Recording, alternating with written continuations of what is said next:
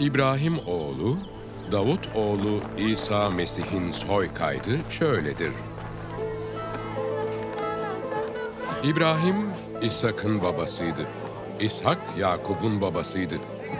Yakup, Yahuda ve kardeşlerinin babasıydı. Yahuda, Tamar'dan doğan Peres'le Zerah'ın babasıydı. Peres, Hesron'un babasıydı. Hesron, Ram'ın babasıydı. Ram, Amminadab'ın babasıydı. Amminadav, Nahşon'un babasıydı. Nahşon, Salmon'un babasıydı. Salmon, Rahav'dan doğan Boaz'ın babasıydı. Boaz, Rut'tan doğan Ovet'in babasıydı. Ovet, İşay'ın babasıydı. İşay, Kral Davut'un babasıydı. Davut, Uriye'nin karısından doğan Süleyman'ın babasıydı. Süleyman Rehavam'ın babasıydı. Rehavam Aviya'nın babasıydı. Aviya Asa'nın babasıydı. Asa Yehoşafat'ın babasıydı. Yehoşafat Yehoram'ın babasıydı. Yehoram Uzziya'nın babasıydı. Uzziya Yotam'ın babasıydı. Yotam Ahaz'ın babasıydı. Ahaz Hiskiya'nın babasıydı. Hiskiya Manaşe'nin babasıydı. Manaşe Amon'un babasıydı. Amon Yoşiya'nın babasıydı. Yoşiya Babil sürgünü sırasında doğan Yehoyakin'le kardeşlerinin babasıydı.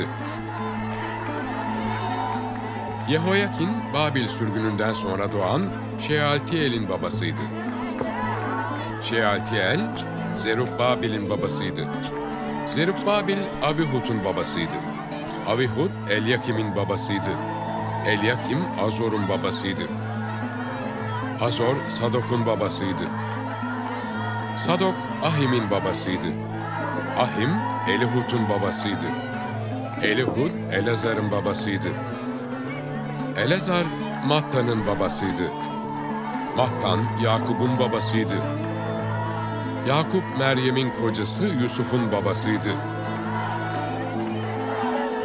Meryem'den Mesih diye tanınan İsa doğdu. Buna göre İbrahim'den Davut'a kadar toplam 14 kuşak, Davut'tan Babil sürgününe kadar 14 kuşak, Babil sürgününden Mesih'e kadar 14 kuşak vardır.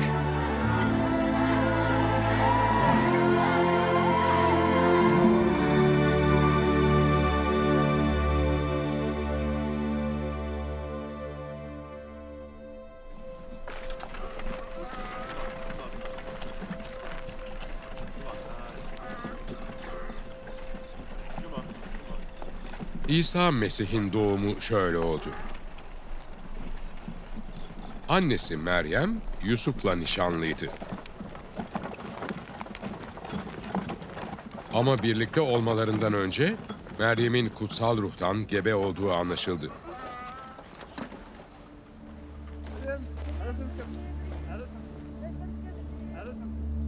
Nişanlısı Yusuf doğru bir adam olduğu ve onu herkesin önünde utandırmak istemediği için ondan sessizce ayrılmak niyetindeydi. Ama böyle düşünmesi üzerine Rabbin bir meleği rüyada ona görünerek şöyle dedi. Davut oğlu Yusuf, Meryem'i kendine eş olarak almaktan korkma. Çünkü onun rahminde oluşan kutsal ruhtandır. Meryem bir oğul doğuracak, adını İsa koyacaksın. Çünkü halkını günahlarından o kurtaracak. Bütün bunlar Rabbin peygamber aracılığıyla bildirdiği şu söz yerine gelsin diye oldu. İşte kız gebe kalıp bir oğul doğuracak. Adını İmanuel koyacaklar. İmanuel, Tanrı bizimle demektir.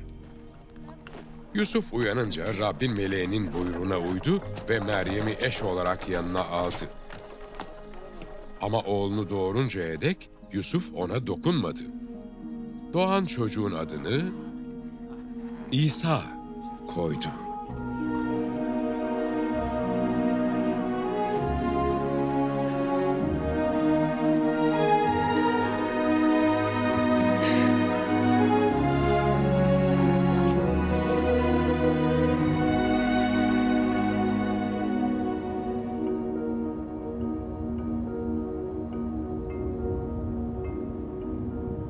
İsa'nın Kral Herodes devrinde Yahudiye'nin Betlehem kentinde doğmasından sonra bazı yıldız bilimciler doğudan Yeruşalim'e gelip şöyle dediler. Yahudilerin kralı olarak doğan çocuk nerede? Doğuda onun yıldızını gördük ve ona tapınmaya geldik. Kral Herodes bunu duyunca kendisi de bütün Yeruşalim halkı da tedirgin oldu. Bütün başkâhinleri ve halkın din bilginlerini toplayarak onlara Mesih'in nerede doğacağını sordu. Yahudiye'nin Betlehem kentinde dediler. Çünkü peygamber aracılığıyla şöyle yazılmıştır. Ey sen Yahuda'daki Betlehem, Yahuda önderleri arasında hiç de en önemsizi değilsin. Çünkü halkım İsrail'i güdecek önder senden çıkacak. Bunun üzerine Herodes yıldız bilimcileri gizlice çağırıp onlardan yıldızın göründüğü anı tam olarak öğrendi. Gidin çocuğu dikkatle arayın. Bulunca bana haber verin. Ben de gelip ona tapınayım. Diyerek onları Betlehem'e gönderdi. Yıldız bilimciler kralı dinledikten sonra yola çıktılar. Doğuda görmüş oldukları yıldız onlara yol gösteriyordu. Çocuğun bulunduğu yerin üzerine varınca durdu. Yıldızı gördüklerinde olağanüstü bir sevinç duydular. Eve girip çocuğu annesi Meryem'le birlikte görünce yere kapanarak ona tapındılar. Hazinelerini açıp ona armağan olarak altın, günlük ve mür sundular. Sonra gördükleri bir düşte Herodes'in yanına dönmemeleri için uyarılınca ülkelerine başka yoldan döndüler. Yıldız bilimciler gittikten sonra Rabbin bir meleği Yusuf'a rüyada görünerek "Kalk." dedi. Çocukla annesini al, Mısır'a kaç. Ben sana haber verinceye dek orada kal. Çünkü Herodes öldürmek için çocuğu aratacak. Böylece Yusuf kalktı. Aynı gece çocukla annesini alıp Mısır'a doğru yola çıktı. Herodes'in ölümüne dek orada kaldı. Bu Rabbin peygamber aracılığıyla bildirdiği şu söz yerine gelsin diye oldu. Oğlumu Mısır'dan çağırdım. Herodes, yıldız bilimciler tarafından aldatıldığını anlayınca çok öfkelendi. Onlardan öğrendiği vakti göz önüne alarak Beytlehem ve bütün yöresinde bulunan 2 ve 2 yaşından küçük erkek çocukların hepsini öldürttü. Böylelikle peygamber Yeremya aracılığıyla bildirilen şu söz yerine gelmiş oldu. Ramada bir ses duyuldu. Ağlayış ve acı feryat sesleri. Çocukları için ağlayan Rahel avutulmak istemiyor. Çünkü onlar yok artık.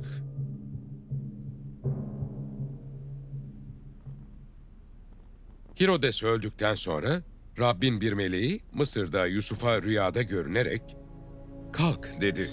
Çocukla annesini al İsrail'e dön. Çünkü çocuğun canına kıymak isteyenler öldü. Bunun üzerine Yusuf kalktı, çocukla annesini alıp İsrail'e döndü. Ama Yahudiye'de Herodes'in yerine oğlu Arhelas'ın kral olduğunu duyunca oraya gitmekten korktu. Rüyada uyarılınca Celile bölgesine gitti. Oraya varınca Nasıra denen kente yerleşti. Bu peygamberler aracılığıyla bildirilen ona Nasıralı denecektir sözü yerine gelsin diye oldu.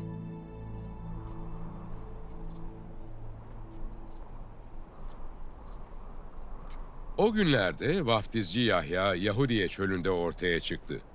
Şu çağrıyı yapıyordu. Tövbe edin! Göklerin egemenliği yaklaşmıştır. Nitekim peygamber Yeşaya aracılığıyla sözü edilen kişi Yahya'dır. Yeşaya şöyle demişti. Çölde haykıran, Rabbin yolunu hazırlayın, geçici patikaları düzleyin diye sesleniyor. Yahya'nın deve tüyünden giysisi, belinde deri kuşağı vardı.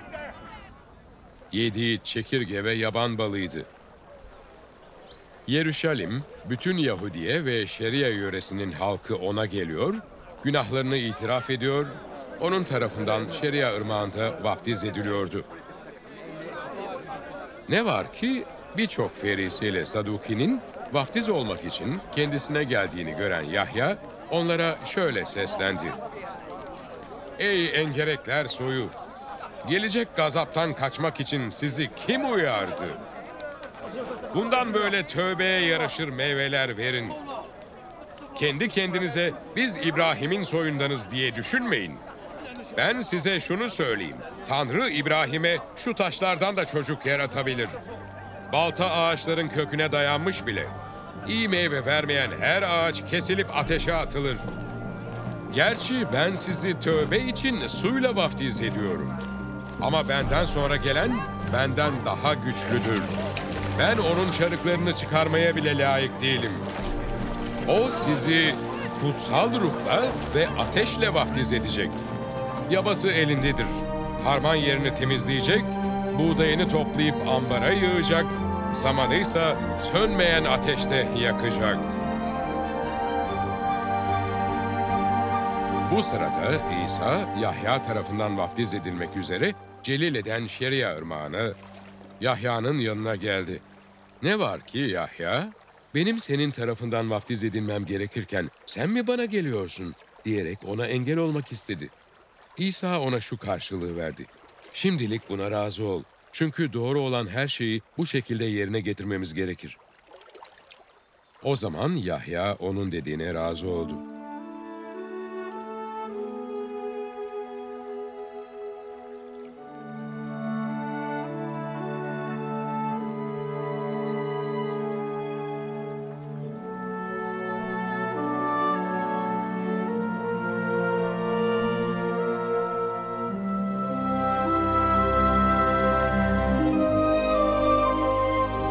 İsa vaftiz olur olmaz sudan çıktı.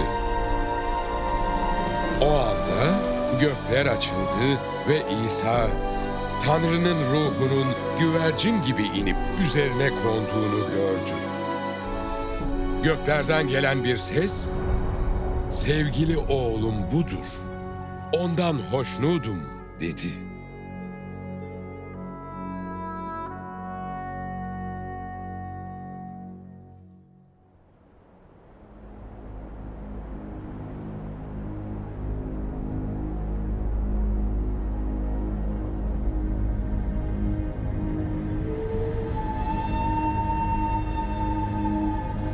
Bundan sonra İsa iblis tarafından denenmek üzere ruh aracılığıyla çöle götürüldü. İsa 40 gün 40 gece oruç tuttuktan sonra acıktı. O zaman ayartıcı yaklaşıp Tanrı'nın oğluysan söyle şu taşlar ekmek olsun dedi. İsa ona şu karşılığı verdi. İnsan yalnız ekmekle yaşamaz.'' Tanrı'nın ağzından çıkan her sözle yaşar diye yazılmıştır.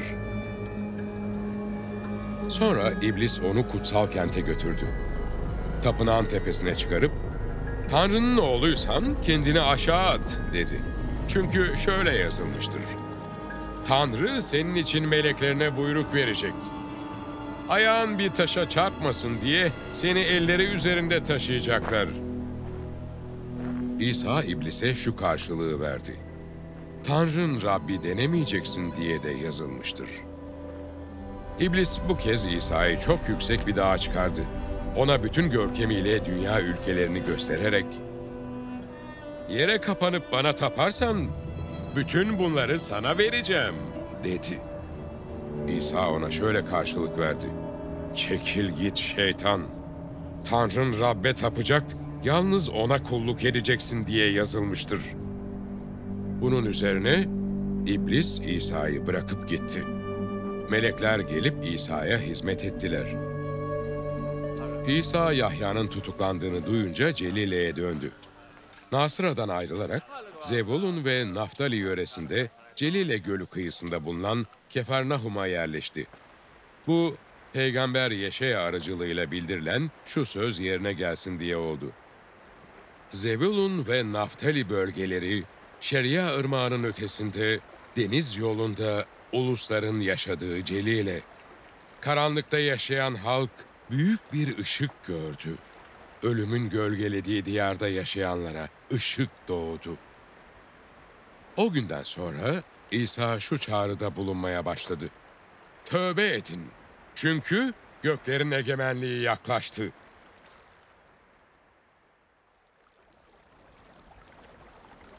İsa Celile Gölü'nün kıyısında yürürken, Petrus diye de anılan Simon'la kardeşi Andreas'ı gördü.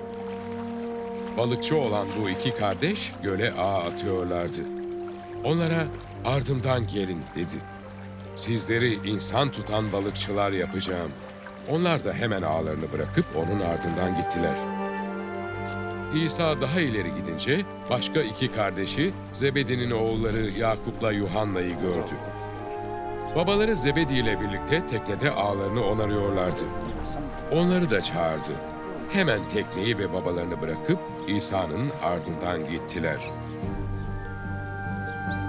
İsa Celile bölgesinin her tarafını dolaştı. Buralardaki havralarda öğretiyor, göksel egemenliğin müjdesini duyuruyor, halk arasında rastlanan her hastalığı, her illeti iyileştiriyordu. Ünü bütün Suriye'ye yayılmıştı. Türlü hastalıklara yakalanmış bütün hastaları, acı çekenleri, cinlileri, saralıları, felçlileri ona getirdiler. Hepsini iyileştirdi. Celile, Dekapolis, Yeruşalim, Yahudiye ve Şeria ırmağının karşı yakasından gelen büyük kalabalıklar onun ardından gidiyordu.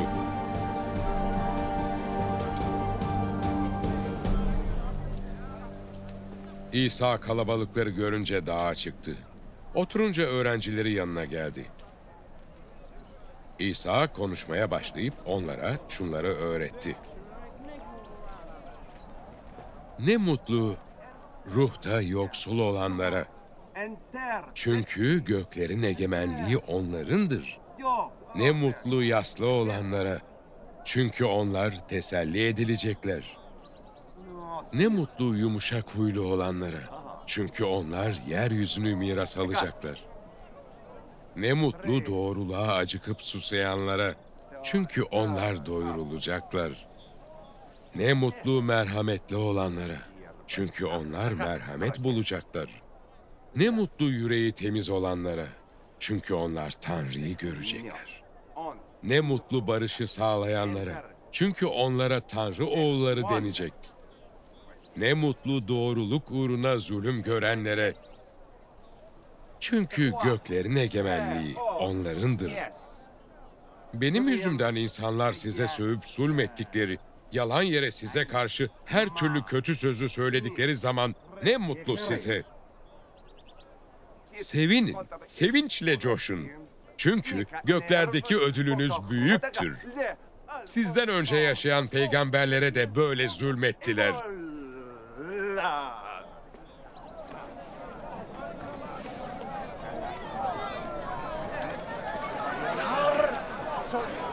Yeryüzünün tuzu sizsiniz. Ama tuz tadını yitirirse bir daha ona nasıl tuz tadı verilebilir? Artık dışarı atılıp ayak altında çiğnenmekten başka işe yaramaz. Dünyanın ışığı sizsiniz. Tepeye kurulan kent gizlenemez. Kimse kandil yakıp tahıl ölçeğinin altına koymaz. Tersine kandilliğe koyar, evdekilerin hepsine ışık sağlar. Sizin ışığınız insanların önünde öyle parlasın ki, iyi işlerinizi görerek göklerdeki babanızı yüceltsinler. Kutsal yasayı ya da peygamberlerin sözlerini geçersiz kılmak için geldiğimi sanmayın. Ben geçersiz kılmaya değil, tamamlamaya geldim. Size doğrusunu söyleyeyim. Yer ve gök ortadan kalkmadan, her şey gerçekleşmeden, kutsal yasadan ufacık bir harf ya da bir nokta bile yok olmayacak.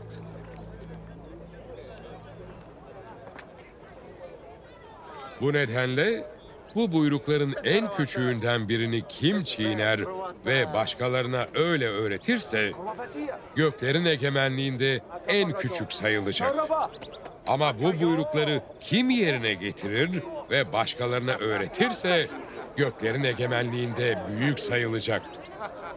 Size şunu söyleyeyim.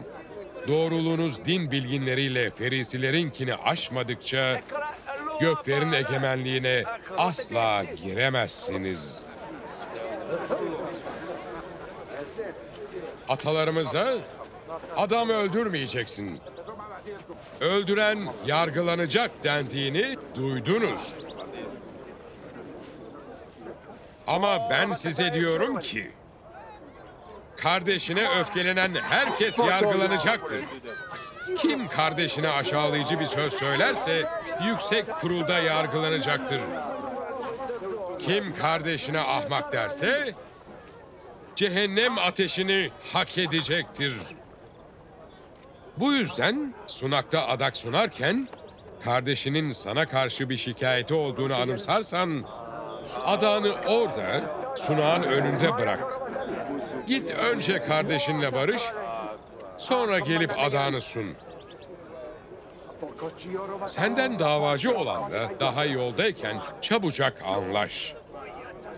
Yoksa o seni yargıca, yargıç da gardiyana teslim edebilir.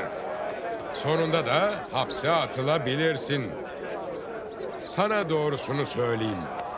Borcunun son kuruşunu ödemeden oradan asla çıkamazsın.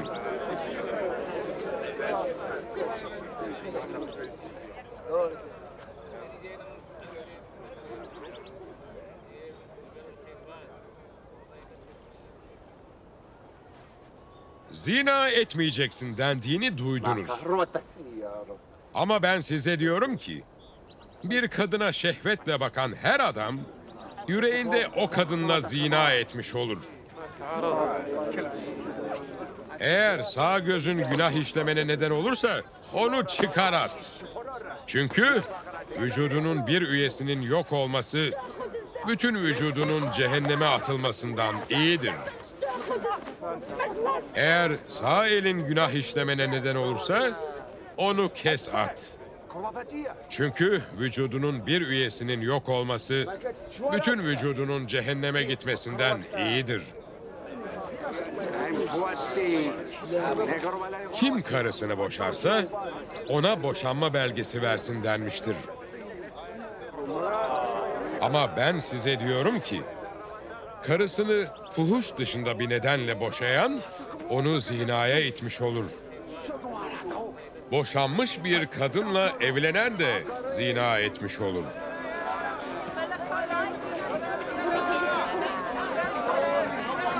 Yine atalarımıza yalan yere and içmeyeceksin.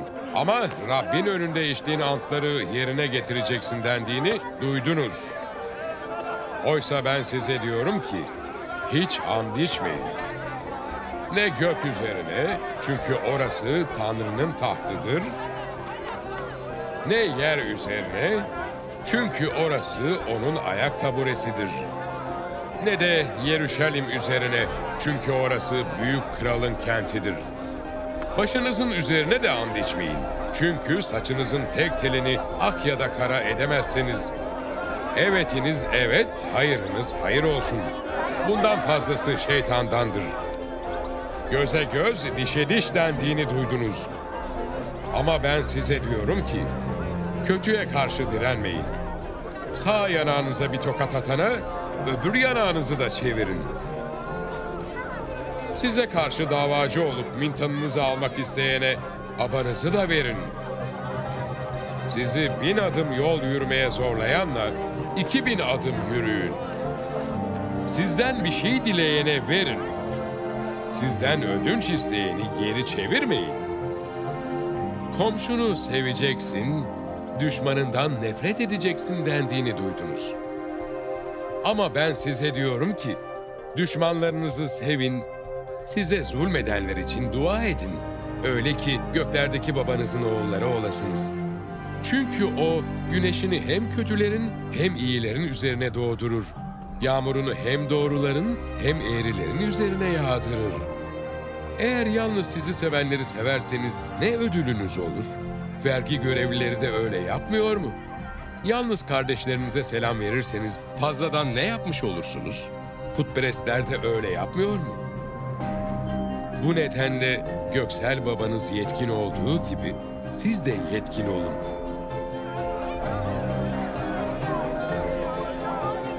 Doğruluğunuzu insanların gözü önünde gösteriş amacıyla sergilemekten kaçının. Yoksa göklerdeki babanızdan ödül alamazsınız. Bu nedenle birisine sadaka verirken bunu borazan çaldırarak ilan etmeyin. İki yüzlüler insanların övgüsünü kazanmak için havralarda ve sokaklarda böyle yaparlar. Size doğrusunu söyleyeyim. Onlar ödüllerini almışlardır. Siz sadaka verirken sol eliniz sağ elinizin ne yaptığını bilmesin. Öyle ki verdiğiniz sadaka gizli kalsın. Gizlice yapılanı gören babanız sizi ödüllendirecektir. Dua ettiğiniz zaman iki yüzlüler gibi olmayın. Onlar herkes kendilerini görsün diye havralarda ve caddelerin köşe başlarında dikilip dua etmekten zevk alırlar. Size doğrusunu söyleyeyim. Onlar ödüllerini almışlardır. Ama siz dua edeceğiniz zaman iç odanıza çekilip kapıyı örtün ve gizlide olan babanıza dua edin. Gizlilik içinde yapılanı gören babanız sizi ödüllendirecektir. Dua ettiğinizde putperestler gibi boş sözler tekrarlayıp durmayın. Onlar söz kalabalığıyla seslerini duyurabileceklerini sanırlar. Siz onlara benzemeyin. Çünkü babanız nelere gereksinmeniz olduğunu siz daha ondan dilemeden önce bilir. Bunun için siz şöyle dua edin. Göklerdeki babamız, adın kutsal kılınsın. Egemenliğin gelsin. Gökte olduğu gibi yeryüzünde de senin istediğin olsun. Bugün bize gündelik ekmeğimizi ver. Bize karşı suç işleyenleri bağışladığımız gibi sen de bizim suçlarımızı bağışla. Ayartılmamıza izin verme. Bizi kötü olandan kurtar. Çünkü egemenlik, güç ve yücelik sonsuzlara dek senindir. Amin. Başkalarının suçlarını bağışlarsanız, göksel babanız da sizin suçlarınızı bağışlar. Ama siz başkalarının suçlarını bağışlamazsanız, babanız da sizin suçlarınızı bağışlamaz. Oruç tuttuğunuz zaman iki yüzlüler gibi surat asmayın. Onlar oruç tuttuklarını insanlara belli etmek için kendilerine perişan bir görünüm verirler. Size doğrusunu söyleyeyim. Onlar ödüllerini almışlardır. Siz oruç tuttuğunuz zaman başınıza yağ sürüp yüzünüzü yıkayın. Öyle ki insanlara değil, gizlide olan babanıza oruçlu görünesiniz. Gizlilik içinde yapılanı gören babanız sizi ödüllendirecektir. Yeryüzünde kendinize hazineler biriktirmeyin. Burada güve ve pas onları yiyip bitirir, hırsızlar da girip çalarlar. Bunun yerine kendinize gökte hazineler biriktirin. Orada ne güve ne pas onları yiyip bitirir, ne de hırsızlar girip çalar. Hazineniz neredeyse yüreğiniz de orada olacaktır. Bedenin ışığı gözdür. Gözünüz sağlamsa bütün bedeniniz aydınlık olur. Gözünüz bozuksa bütün bedeniniz karanlık olur. Buna göre içinizdeki ışık karanlıksa ne korkunçtur o karanlık.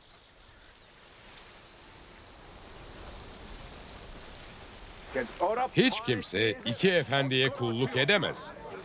Ya birinden nefret edip öbürünü sever ya da birine bağlanıp öbürünü hor görür. Siz hem Tanrı'ya hem de paraya kulluk edemezsiniz. Bu nedenle size şunu söylüyorum. Ne yiyip ne içeceğiz diye canınız için, ne giyeceğiz diye bedeniniz için kaygılanmayın. Can yiyecekten, beden de giyecekten daha önemli değil mi? Gökte uçan kuşlara bakın. Ne eker, ne biçer, ne de ambarlarda yiyecek biriktirirler. Göksel babanız yine de onları doyurur. Siz onlardan çok daha değerli değil misiniz? Hangi biriniz kaygılanmakla ömrünü bir anlık uzatabilir?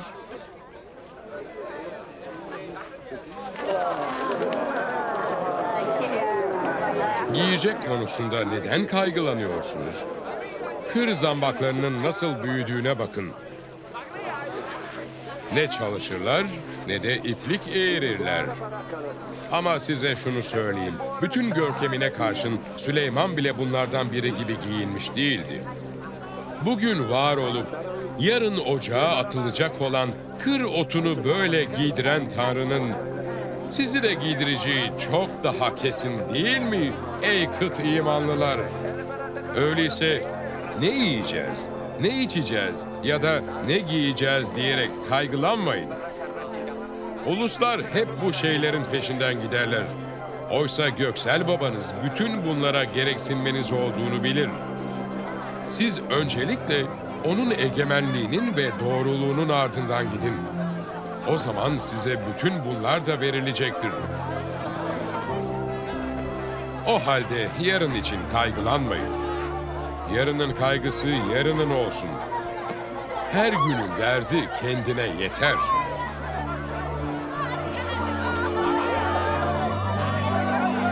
Başkasını yargılamayın ki siz de yargılanmayasınız. Çünkü nasıl yargılarsanız öyle yargılanacaksınız. Hangi ölçekle verirseniz aynı ölçekle alacaksınız. Sen neden kardeşinin gözündeki çöpü görürsün de kendi gözündeki merteği fark etmezsin?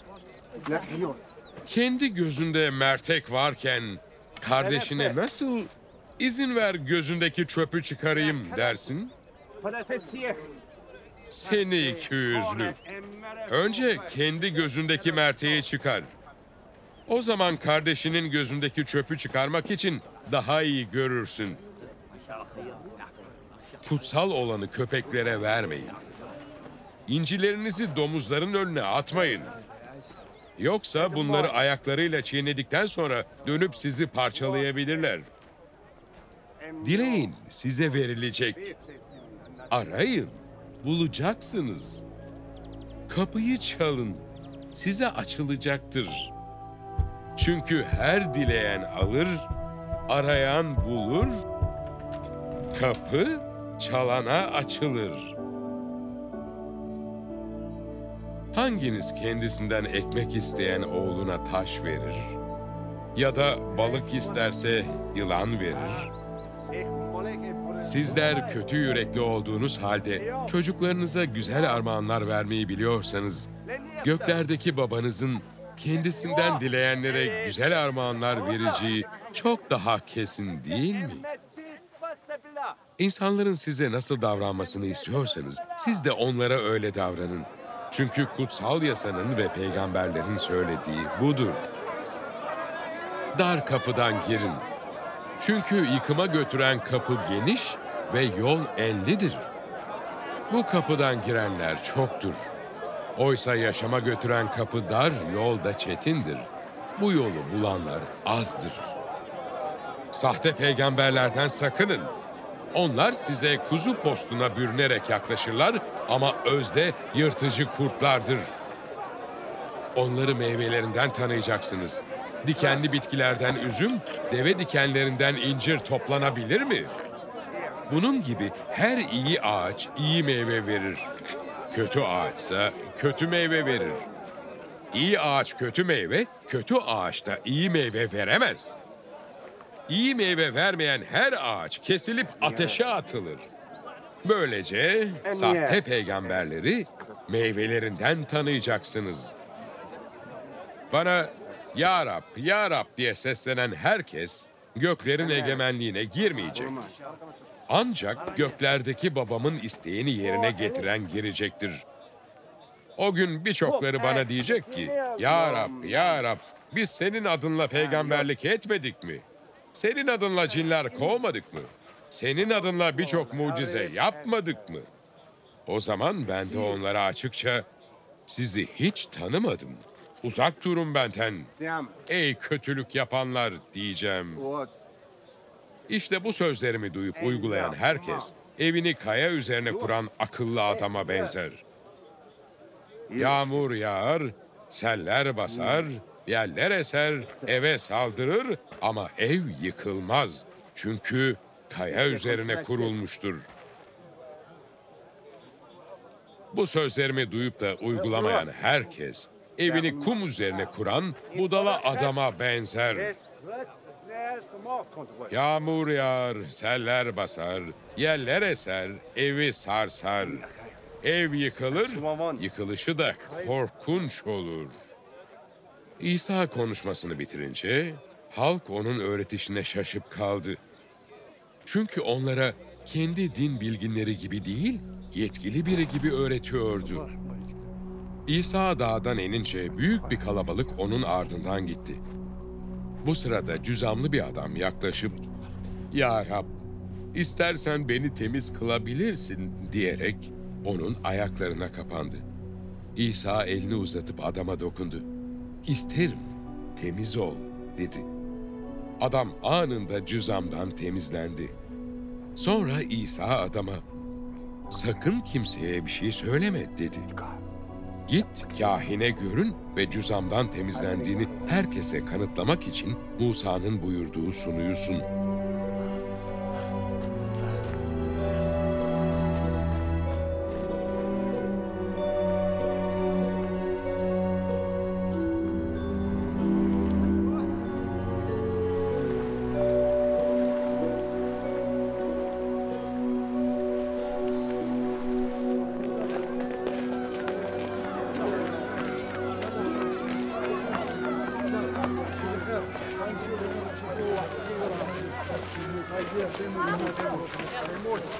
İsa Kefarnahum'a varınca bir yüzbaşı ona gelip Ya Rab diye yalvardı. Uşağım felç oldu, evde yatıyor. Korkunç acı çekiyor. İsa gelip onu iyileştireceğim dedi. Ama yüzbaşı, Ya Rab evime girmene layık değilim dedi. Yeter ki bir söz söyle, uşağım iyileşir. Ben de buyruk altında bir adamım. Benim de buyruğumda askerlerim var. Birine git derim, gider. Ötekine gel derim, gelir. Köleme şunu yap derim, yapar. İsa duyduğu bu sözlere hayran kaldı. Ardından gelenlere size doğrusunu söyleyeyim dedi. Ben İsrail'de böyle imanı olan birini görmedim. Size şunu söyleyeyim. Doğudan ve batıdan birçok insan gelecek. Göklerin egemenliğinde İbrahim'le, İshak'la ve Yakup'la birlikte sofraya oturacaklar. Ama bu egemenliğin asıl mirasçıları dışarıdaki karanlığa atılacak. Orada ağlayış ve diş gıcırtısı olacak. Sonra İsa yüzbaşıya, git, inandığın gibi olsun dedi. Ve uşak o anda iyileşti.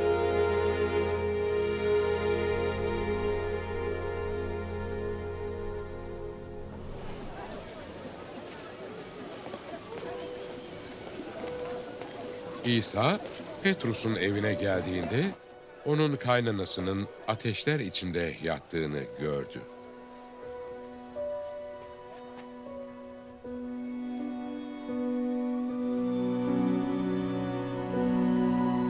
Eline dokununca kadının ateşi düştü. Kadın kalkıp İsa'ya hizmet etmeye başladı.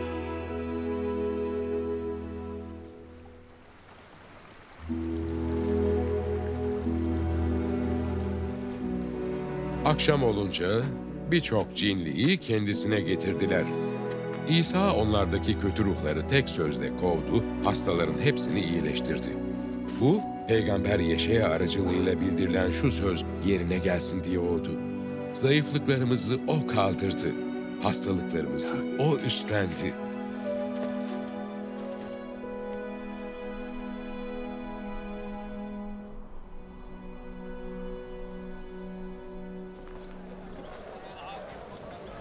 İsa çevresindeki kalabalığı görünce gölün karşı yakasına geçilmesini buyurdu. O sırada din bilginlerinden biri ona yaklaşıp "Öğretmenim" dedi. "Nereye gidersen senin ardından geleceğim." İsa ona "Tilkilerin ini, kuşların yuvası var ama insanoğlunun başını yaslayacak bir yeri yok." dedi.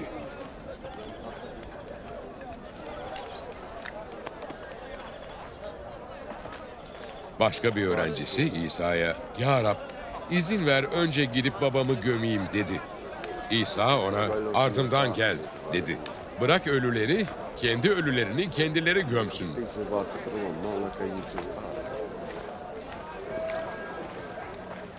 İsa tekneye binince ardından öğrencileri de bindi. Gölde ansızın büyük bir fırtına koptu. Öyle ki dalgalar teknenin üzerinden aşıyordu.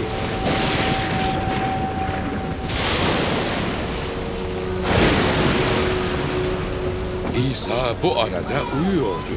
Öğrenciler gidip onu uyandırarak "Ya Rab, kurtar bizi yoksa öleceğiz." dediler. İsa neden korkuyorsunuz ey kıt imanlılar? dedi.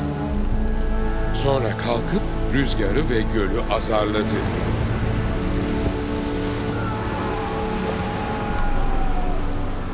Ortalık süt liman oldu. Hepsi hayret içinde kaldı. Bu nasıl bir adam ki rüzgar da göl de onun sözünü dinliyor dediler.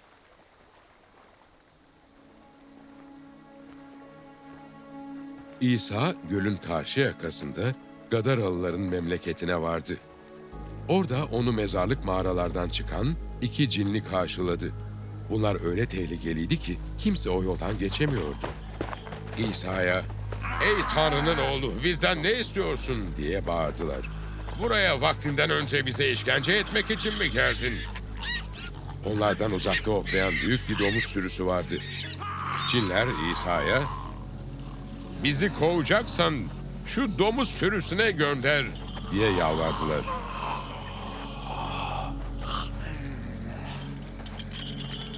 İsa onlara gidin dedi. Cinler de adamlardan çıkıp domuzların içine girdiler. O anda bütün sürü dik yamaçtan aşağı koşuşarak göle atlayıp boğuldu. Domuzları güdenler kaçıp kente gittiler. Cinli adamlarla ilgili haberler dahil olup bitenlerin hepsini anlattılar. Bunun üzerine bütün kent halkı İsa'yı karşılamaya çıktı. Onu görünce bölgelerinden ayrılması için yalvardılar. İsa tekneye binip karşı kıyıya geçti ve kendi kentine gitti.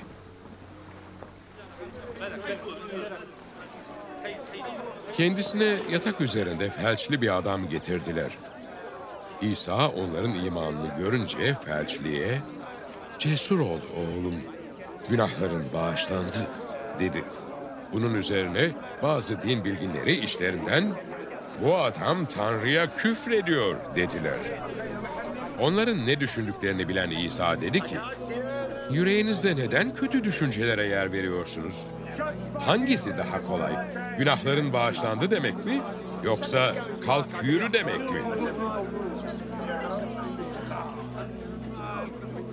Ne var ki insanoğlunun yeryüzünde günahları bağışlama yetkisine sahip olduğunu bilesiniz diye. Sonra felçliye kalk, yatağını topla, evine git dedi. Adam da kalkıp evine gitti. Halk bunu görünce korkuya kapıldı. İnsana böyle bir yetki veren Tanrı'yı yücelttiler.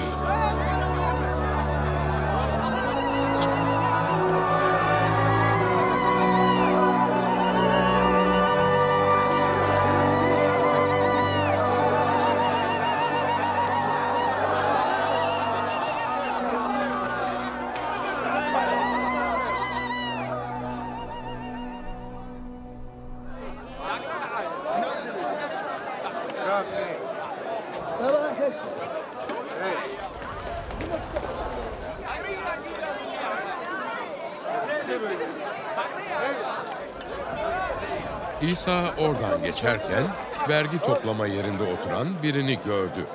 Matta adındaki bu adama ardımdan gel dedi.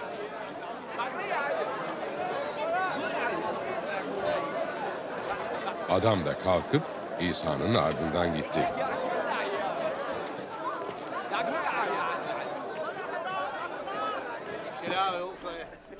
Sonra İsa Matta'nın evinde sofrada otururken birçok vergi görevlisiyle günahkar gelip onunla ve öğrencileriyle birlikte sofraya oturdu. Bunu gören ferisiler İsa'nın öğrencilerine sizin öğretmeniniz neden vergi görevlileri ve günahkarlarla birlikte yemek yiyor diye sordular. İsa bunu duyunca şöyle dedi. Sağlamların değil, hastaların hekime ihtiyacı var. Gidin de ben kurban değil, merhamet isterim sözünün anlamını öğrenin. Çünkü ben doğru kişileri değil, günahkarları çağırmaya geldim.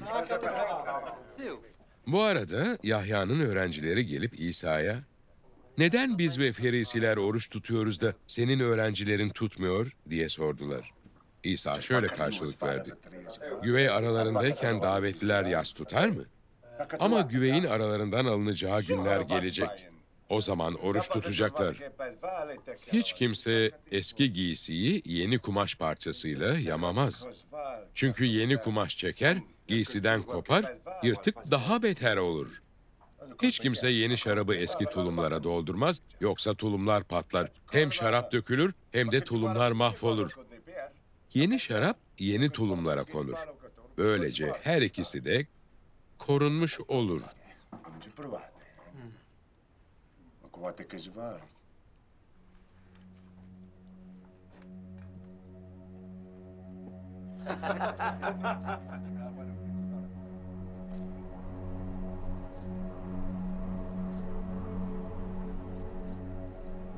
İsa onlara bu sözleri söylerken bir havra yöneticisi gelip onun önünde yere kapanarak Kızım az önce öldü ama sen gelip elini onun üzerine koyarsan dirilecek dedi. İsa kalkıp öğrencileriyle birlikte adamın ardından gitti. Tam o sırada 12 yıldır kanaması olan bir kadın İsa'nın arkasından yetişip giysisinin eteğine dokundu.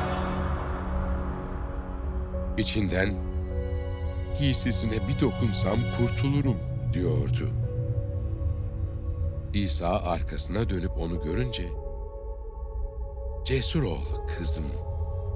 İmanın seni kurtardı dedi. Ve kadın o anda iyileşti.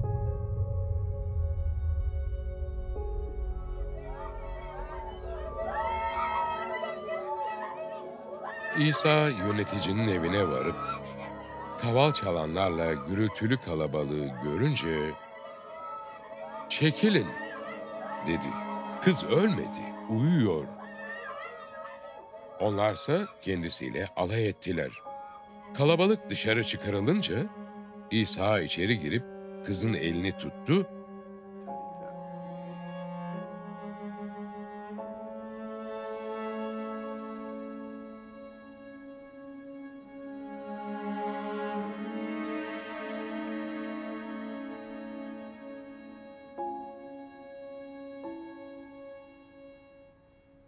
Kız ayağa kalktı.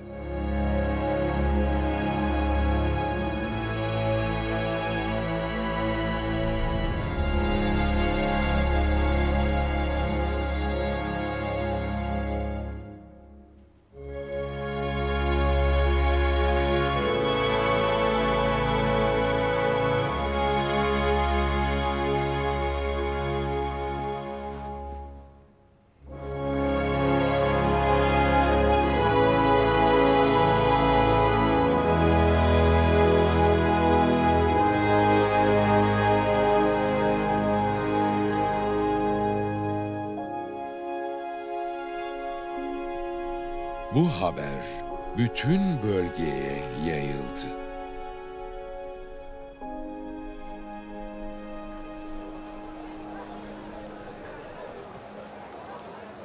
İsa oradan ayrılırken iki kör, ''Ey Davutoğlu, halimize acı!'' diye feryat ederek onun ardından gittiler.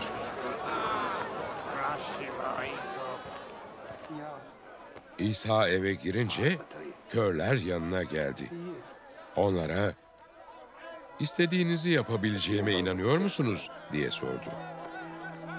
Körler inanıyoruz ya Rab dediler. Bunun üzerine İsa körlerin gözlerine dokunarak imanınıza göre olsun dedi. Ve adamların gözleri açıldı.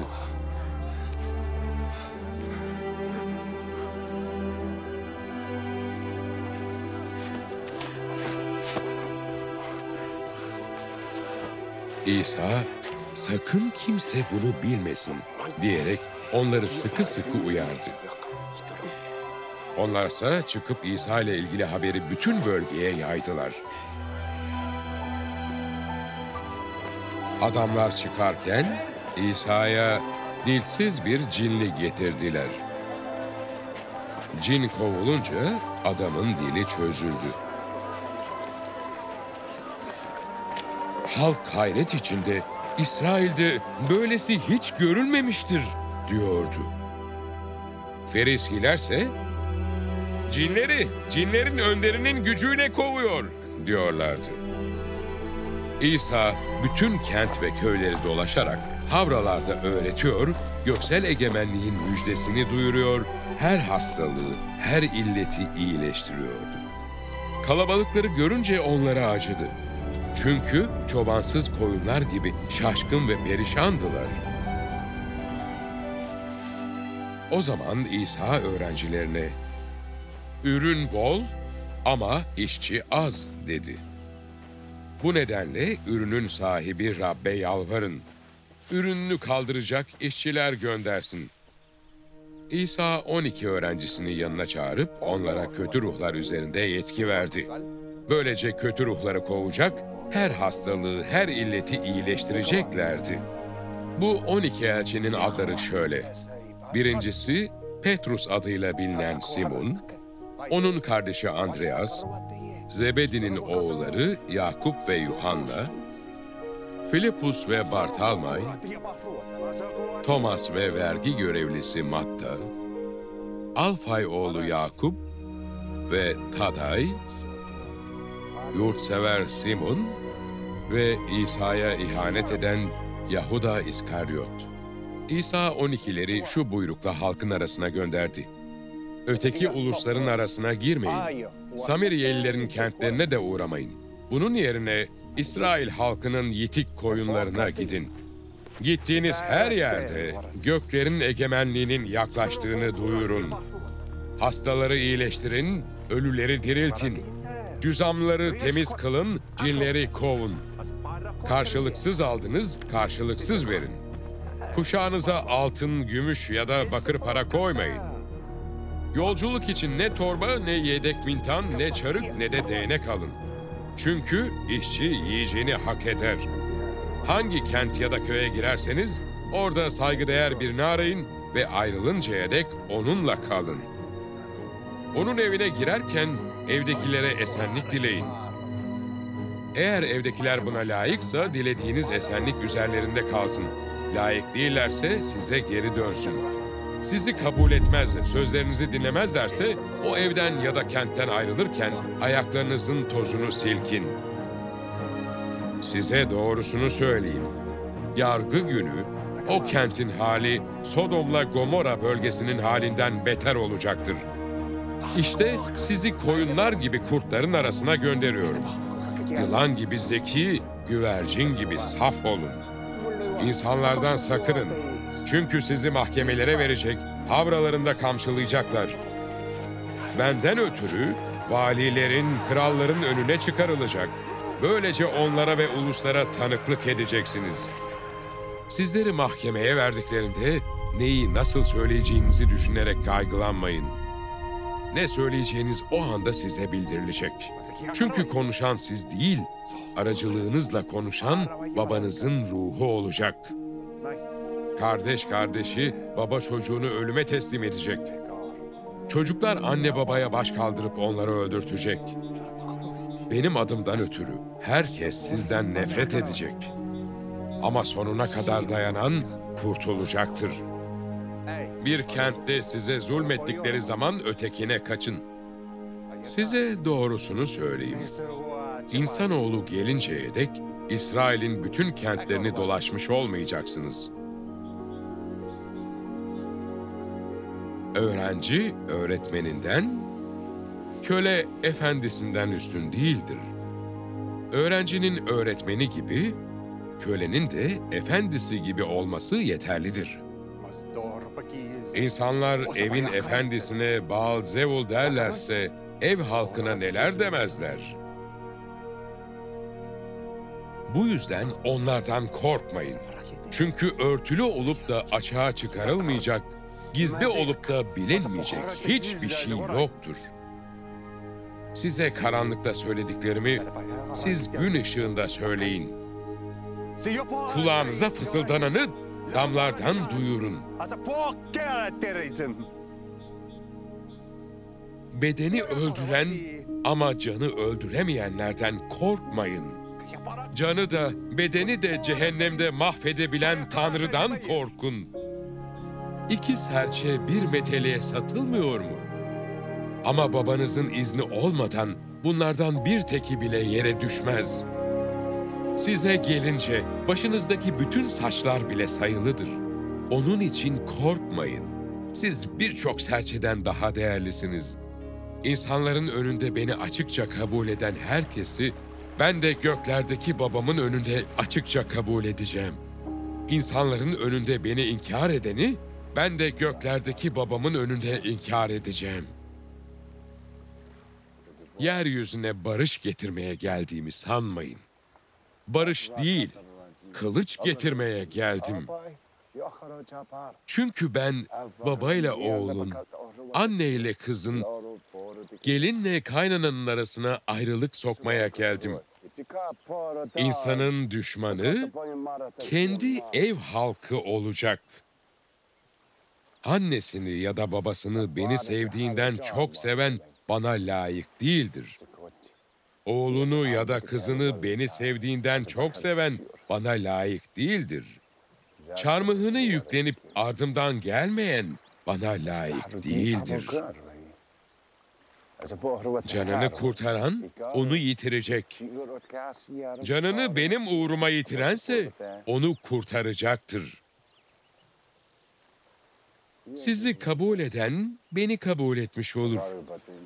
Beni kabul eden de beni göndereni kabul etmiş olur. Bir peygamberi peygamber olduğu için kabul eden, peygambere yaraşan bir ödül alacaktır. Doğru birini doğru olduğu için kabul eden, doğru kişiye yaraşan bir ödül alacaktır. Bu sıradan kişilerden birine öğrencim olduğu için bir bardak soğuk su bile veren, size doğrusunu söyleyeyim. Ödülsüz kalmayacaktır.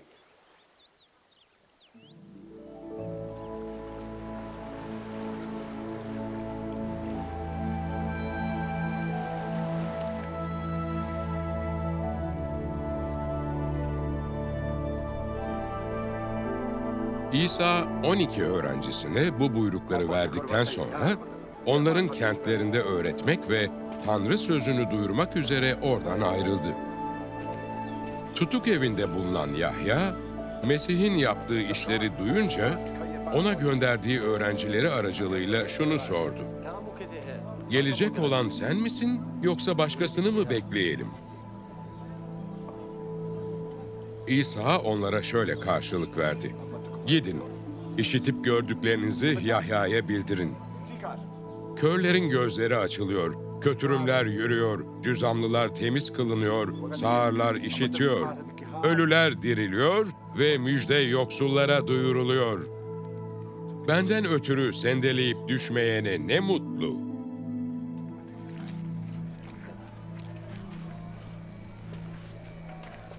Yahya'nın öğrencileri ayrılırken İsa halka Yahya'dan söz etmeye başladı. Şöyle ne görmeye gittiniz dedi. Rüzgarda sallanan bir kamış mı? Söyleyin ne görmeye gittiniz? Pahalı giysiler giymiş bir adam mı? Oysa pahalı giysi giyenler kral saraylarında bulunur. Öyleyse ne görmeye gittiniz? Bir peygamber mi? Evet. Size şunu söyleyeyim. Gördüğünüz kişi peygamberden de üstündür. İşte habercimi senin önünden gönderiyorum. O önden gidip senin yolunu hazırlayacak diye yazılmış olan sözler onunla ilgilidir. Size doğrusunu söyleyeyim. Kadından doğanlar arasında vaftizci Yahya'dan daha üstün biri çıkmamıştır. Bununla birlikte göklerin egemenliğinde en küçük olan ondan üstündür. Vaftizci Yahya'nın ortaya çıktığı günden bu yana göklerin egemenliği zorlanıyor, zorlu kişiler onu ele geçirmeye çalışıyor. Yahya'ya dek bütün peygamberlerle kutsal yasa olacakları önceden bildirdiler. Eğer bunu kabul etmek isterseniz gelecek olan İlyas odur. Kulağı olan işitsin. Bu kuşağın insanlarını neye benzeteyim? Çarşı meydanlarında oturup arkadaşlarına size kaval çaldık oynamadınız. Ağıt yaktık dövünmediniz diye seslenen çocuklara benziyorlar. Yahya geldiği zaman oruç tutup içkiden kaçındı. Ona cinli diyorlar. İnsanoğlu geldiği zaman yiyip içti. Bu kez de diyorlar ki şu obur ve ayyaş adama bakın. Vergi görevlileri ve günahkarlarla dost oldu. Ne var ki bilgelik ortaya koyduğu işlerle doğrulanır. Sonra İsa mucizelerinin çoğunu yapmış olduğu kentleri tövbe etmedikleri için şöyle azarlamaya başladı. Vay haline ey Horazin! Vay haline ey Beytsayda! Sizlerde yapılan mucizeler Sur ve Sayda'da yapılmış olsaydı çoktan çul kuşanıp kül içinde oturarak tövbe etmiş olurlardı. Size şunu söyleyeyim. Yargı günü sizin haliniz Sur ve Sayda'nın halinden beter olacaktır. Ya sen ey Kefarnahum, göğe mi çıkarılacaksın? Hayır, ölüler diyarına indirileceksin. Çünkü sende yapılan mucizeler Sodom'da yapılmış olsaydı bugüne dek ayakta kalırdı. Sana şunu söyleyeyim. Yargı günü senin halin Sodom bölgesinin halinden beter olacaktır.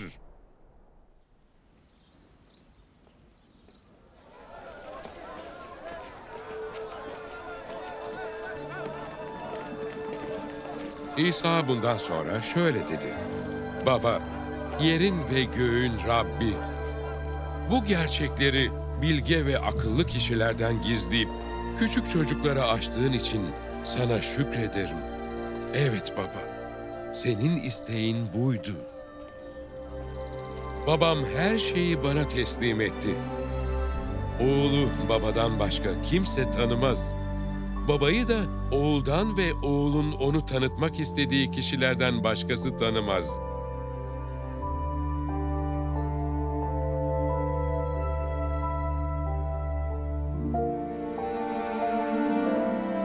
Ey bütün yorgunlar ve yükü ağır olanlar, bana gelin, ben size rahat veririm. Boyunduruğumu yüklenin, benden öğrenin. Çünkü ben yumuşak huylu, alçak gönüllüyüm. Böylece canlarınız rahata kavuşur. Boyunduruğumu taşımak kolay, yüküm hafiftir.''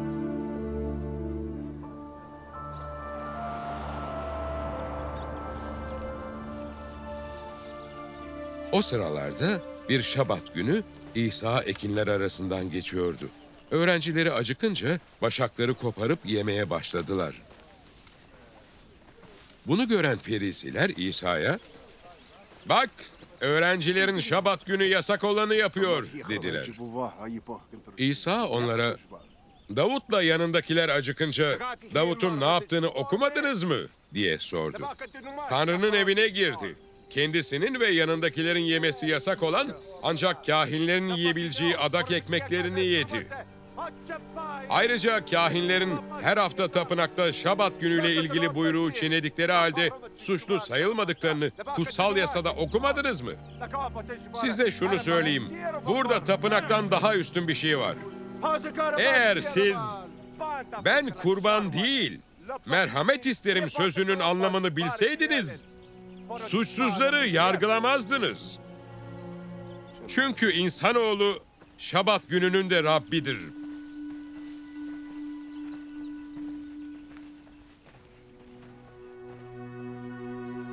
İsa oradan ayrılıp onların havrasına gitti. Orada eli sakat bir adam vardı. İsa'yı suçlamak amacıyla kendisine Şabat günü bir hastayı iyileştirmek kutsal yasaya uygun mudur diye sordular. İsa onlara şu karşılığı verdi. Hanginizin bir koyunu olur da Şabat günü çukura düşerse onu tutup çıkarmaz? İnsan koyundan çok daha değerlidir. Demek ki Şabat günü iyilik yapmak yasaya uygundur. Sonra adama elini uzat dedi. Adam elini uzattı. Eli öteki gibi yine sapasağlam oluverdi. Bunun üzerine ferisiler dışarı çıktılar, İsa'yı yok etmek için anlaştılar. İsa bunu bildiği için oradan ayrıldı. Birçok kişi ardından gitti. İsa hepsini iyileştirdi. Kim olduğunu açıklamamaları için onları uyardı. Bu peygamber Yeşaya aracılığıyla bildirilen şu söz yerine gelsin diye oldu. İşte kulum, onu ben seçtim. Gönlümün hoşnut olduğu sevgili kulum odur. Ruhumu onun üzerine koyacağım, o da adaleti uluslara bildirecek. Çekişip bağırmayacak. Sokaklarda kimse onun sesini duymayacak. Ezilmiş kamışı kırmayacak. Tüten fitili söndürmeyecek ve sonunda adaleti zafere ulaştıracak. Uluslar da onun adına umut bağlayacak.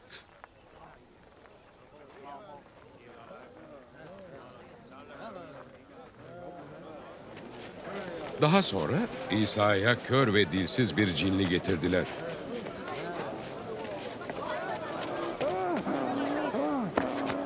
İsa adamı iyileştirdi. Adam konuşmaya, görmeye başladı. Bütün kalabalık şaşırıp kaldı. Bu Davut'un oğlu olabilir mi? diye soruyorlardı. Ferisiler bunu duyunca bu adam cinleri ancak cinlerin önderi Baalzebul'un gücüyle kovuyor dediler. Onların ne düşündüğünü bilen İsa şöyle dedi. Kendi içinde bölünen ülke yıkılır. Kendi içinde bölünen kent ya da ev ayakta kalamaz. Eğer şeytan şeytanı kovarsa kendi içinde bölünmüş demektir. Bu durumda onun egemenliği nasıl ayakta kalabilir? Eğer ben cinleri Baal Zevul'un gücüyle kovuyorsam, sizin adamlarınız kimin gücüyle kovuyor? Bu durumda sizi kendi adamlarınız yargılayacak. Ama ben cinleri Tanrı'nın ruhuyla kovuyorsam, Tanrı'nın egemenliği üzerinize gelmiş demektir. Bir kimse güçlü adamın evine girip malını nasıl çalabilir? Ancak onu bağladıktan sonra evini soyabilir. Benden yana olmayan bana karşıdır. Benimle birlikte toplamayan dağıtıyor demektir. Bunun için size diyorum ki, insanların işlediği her günah, ettiği her küfür bağışlanacak. Ama ruha edilen küfür bağışlanmayacaktır. İnsanoğluna karşı bir söz söyleyen bağışlanacak. Ama kutsal ruha karşı bir söz söyleyen ne bu çağda ne de gelecek çağda bağışlanacaktır. Ya ağacı iyi, meyvesini de iyi sayın ya da ağacı kötü, meyvesini de kötü sayın. Çünkü her ağaç meyvesinden tanınır. Sizi engerekler soyu, kötü olan sizler nasıl iyi sözler söyleyebilirsiniz? Çünkü ağız yürekten taşanı söyler. İyi insan içindeki iyilik hazinesinden iyilik, kötü insan içindeki kötülük hazinesinden kötülük çıkarır. Size şunu söyleyeyim. İnsanlar söyledikleri her boş söz için yargı günü hesap verecekler. Kendi sözlerinizle aklanacak, yine kendi sözlerinizle suçlu çıkarılacaksınız. Bunun üzerine bazı din bilginleri ve ferisiler, Öğretmenimiz, senden doğaüstü bir belirti görmek istiyoruz, dediler. İsa onlara şu karşılığı verdi. Kötü ve vefasız kuşak bir belirti istiyor. Ama ona Peygamber Yunus'un belirtisinden başka bir belirti gösterilmeyecektir. Yunus nasıl üç gün üç gece o koca balığın karnında kaldıysa, insanoğlu da üç gün üç gece yerin bağrında kalacaktır. Ninova halkı yargı günü bu kuşakla birlikte kalkıp bu kuşağı yargılayacak. Çünkü Ninovalılar Yunus'un çağrısı üzerine tövbe ettiler. Bakın Yunus'tan daha üstün olan buradadır. Güney kraliçesi yargı günü bu kuşakla birlikte kalkıp bu kuşağı yargılayacak. Çünkü kraliçe Süleyman'ın bilgece sözlerini dinlemek için dünyanın ta öbür ucundan gelmişti. Bakın Süleyman'dan daha üstün olan buradadır. Kötü ruh insandan çıkınca kurak yerlerde dolanıp huzur arar ama bulamaz. O zaman çıktığım eve, kendi evime döneyim der. Eve gelince orayı bomboş, süpürülmüş, düzeltilmiş bulur. Bunun üzerine gider, yanına kendisinden kötü yedi ruh daha alır ve eve girip yerleşirler. Böylece o kişinin son durumu ilkinden beter olur. Bu kötü kuşağın başına gelecek olan da budur. İsa daha halka konuşurken annesiyle kardeşleri geldi. Dışarıda durmuş onunla konuşmak istiyorlardı. Birisi İsa'ya, bak annenle kardeşlerin dışarıda duruyor, seninle görüşmek istiyorlar dedi. İsa kendisiyle konuşana, kimdir annem, kimdir kardeşlerim karşılığını verdi. Eliyle öğrencilerini göstererek, işte annem, işte kardeşlerim dedi. Göklerdeki babamın isteğini kim yerine getirirse kardeşim, kız kardeşim ve annem odur. Aynı gün İsa evden çıktı, gidip göl kıyısında oturdu. Çevresinde büyük bir kalabalık toplandı. Bu yüzden İsa tekneye binip oturdu. Bütün kalabalık kıyıda duruyordu. İsa onlara benzetmelerle birçok şey anlattı. Bakın dedi.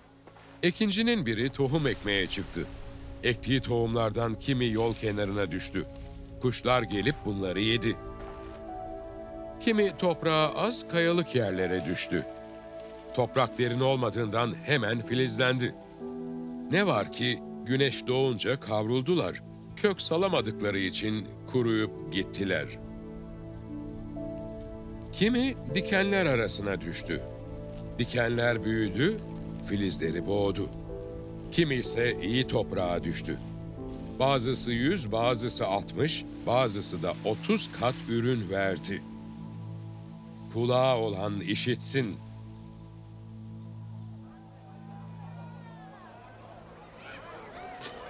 Öğrencileri gelip İsa'ya halka neden benzetmelerle konuşuyorsun diye sordular. İsa şöyle yanıtladı. Göklerin egemenliğinin sırlarını bilme ayrıcalığı size verildi. Ama onlara verilmedi. Çünkü kimde varsa ona daha çok verilecek, bolluğa kavuşturulacak. Ama kimde yoksa elindeki de alınacak. Onlara benzetmelerle konuşmamın nedeni budur. Çünkü gördükleri halde görmezler, duydukları halde duymaz ve anlamazlar. Böylece Yeşaya'nın peygamberlik sözü onlar için gerçekleşmiş oldu. Duyacak duyacak ama hiç anlamayacaksınız. Bakacak bakacak ama hiç görmeyeceksiniz. Çünkü bu halkın yüreği duygusuzlaştı, kulakları ağırlaştı. Gözlerini kapadılar. Öyle ki gözleri görmesin, kulakları duymasın, yürekleri anlamasın ve bana dönmesinler. Dönselerdi onları iyileştirirdim. Ama ne mutlu size ki gözleriniz görüyor, kulaklarınız işitiyor. Size doğrusunu söyleyeyim. Nice peygamberler, nice doğru kişiler sizin gördüklerinizi görmek istediler ama göremediler. Sizin işittiklerinizi işitmek istediler ama işitemediler. Şimdi ikinciyle ilgili benzetmeyi siz dinleyin. Kim göksel egemenlikle ilgili sözü işitir de anlamazsa, kötü olan gelir, onun yüreğine ekileni söker götürür. Yol kenarına ekilen tohum işte budur. Kayalık yerlere ekilense, işittiği sözü hemen sevinçle kabul eden ama kök salamadığı için ancak bir süre dayanan kişidir. Böyle biri Tanrı sözünden ötürü sıkıntı ya da zulme uğrayınca hemen sendeleyip düşer. Dikenler arasında ekilen de şudur. Sözü işitir ama dünyasal kaygılar ve zenginliğin aldatıcılığı sözü boğar ve ürün vermesini engeller. İyi toprağa ekilen tohumsa sözü işitip anlayan birine benzer. Böylesi elbette ürün verir. Kimi yüz, kimi altmış, kimi de otuz kat. İsa onlara başka bir benzetme anlattı. Göklerin egemenliği tarlasına iyi tohum eken adama benzer dedi. Herkes uyurken adamın düşmanı geldi. Buğdayın arasına delice ekip gitti. Ekin gelişip başak salınca delicelerde göründü. Mal sahibinin köleleri gelip ona şöyle dediler. Efendimiz sen tarlana iyi tohum ekmedin mi? Bu deliceler nereden çıktı? Mal sahibi bunu bir düşman yapmıştır dedi. Gidip deliceleri toplamamızı ister misin diye sordu köleler. Hayır dedi adam. Deliceleri toplarken belki buğdayı da sökersiniz. Bırakın biçim vaktine dek birlikte büyüsünler. Biçim vakti orakçılara önce deliceleri toplayın diyeceğim. Yakmak için demet yapın. Buğdayı ise toplayıp ambarıma koyun. İsa onlara bir benzetme daha anlattı. Göklerin egemenliği bir adamın tarlasına ektiği hardal tanesine benzer dedi. Hardal tohumların en küçüğü olduğu halde gelişince bahçe bitkilerinin boyunu aşar ağaç olur. Böylece kuşlar gelip dallarında barınır. İsa onlara başka bir benzetme anlattı. Göklerin egemenliği bir kadının üç ölçek una karıştırdığı mayaya benzer. Sonunda bütün hamur kabarır. İsa bütün bunları halka benzetmelerle anlattı. Benzetme kullanmadan onlara hiçbir şey anlatmazdı. Bu peygamber aracılığıyla bildirilen şu söz yerine gelsin diye oldu. Ağzımı benzetmeler anlatarak açacağım. Dünyanın kuruluşundan beri gizli kalmış sırları dile getireceğim.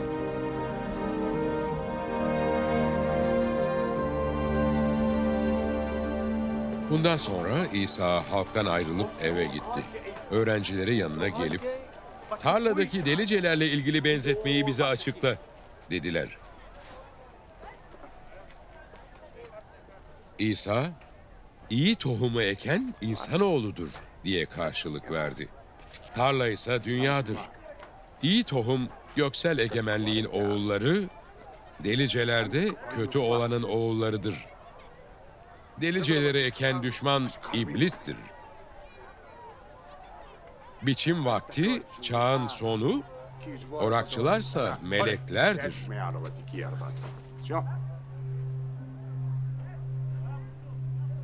Deliceler nasıl toplanıp yakılırsa çağın sonunda da böyle olacaktır. İnsanoğlu meleklerini gönderecek, onlar da insanları günaha düşüren her şeyi, kötülük yapan herkesi onun egemenliğinden toplayıp kızgın fırına atacaklar. Orada ağlayış ve diş gıcırtısı olacaktır. Doğru kişiler o zaman babalarının egemenliğinde güneş gibi parlayacaklar.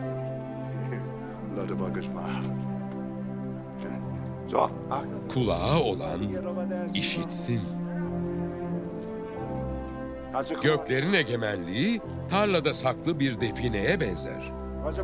Onu bulan yeniden sakladı, sevinçle koşup gitti, varını yoğunu satıp tarlayı satın aldı.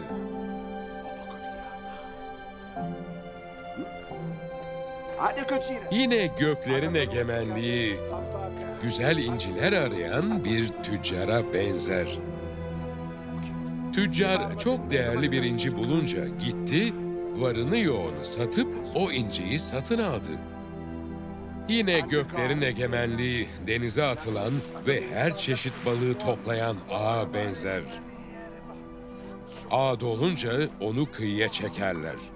Oturup işe yarayan balıkları kaplara koyar, yaramayanları atarlar. Çağın sonunda da böyle olacak. Melekler gelecek, kötü kişileri doğruların arasından ayırıp kızgın fırına atacaklar. Orada ağlayış ve diş gıcırtısı olacaktır. İsa bütün bunları anladınız mı diye sordu. Evet karşılığını verdiler. O da onlara işte böylece göklerin egemenliği için eğitilmiş her din bilgini hazinesinden hem yeni hem eski değerler çıkaran bir mal sahibine benzer dedi.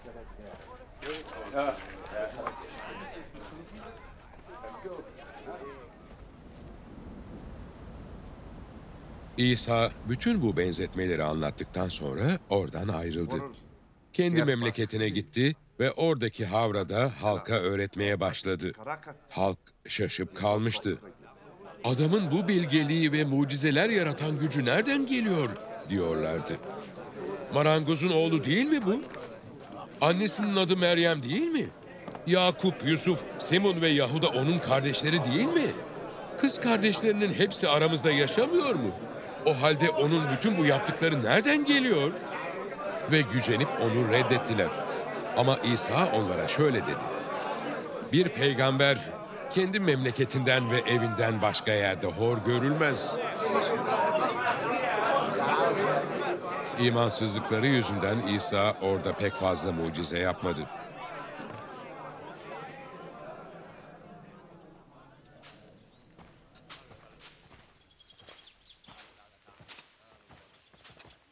O günlerde İsa ile ilgili haberleri duyan bölge kralı Herodes adamlarına bu vaftizci Yahya'dır dedi.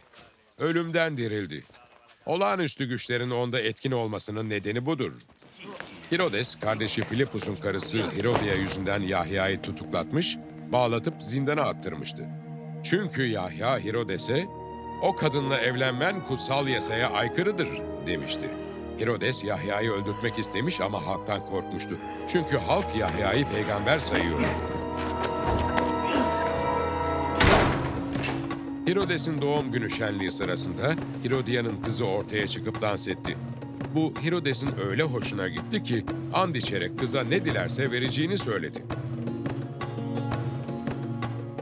Kız annesinin kışkırtmasıyla bana şimdi bir tepsi üzerinde vaftizci Yahya'nın başını ver dedi. Kral buna çok üzüldüyse de konuklarının önünde içtiği anttan ötürü bu dileğin yerine getirilmesini buyurdu. Adam gönderip zindanda Yahya'nın başını kestirdi. Kesik baş tepsiyle getirilip kıza verildi. Kız da bunu annesine götürdü. Yahya'nın öğrencileri gelip cesedi aldılar ve gömdüler. Sonra gidip İsa'ya haber verdiler. İsa bunu duyunca tek başına tenha bir yere çekilmek üzere bir tekneyle oradan ayrıldı. Bunu öğrenen halk kentlerden çıkıp onu yaya olarak izledi. İsa tekneden inince büyük bir kalabalıkla karşılaştı.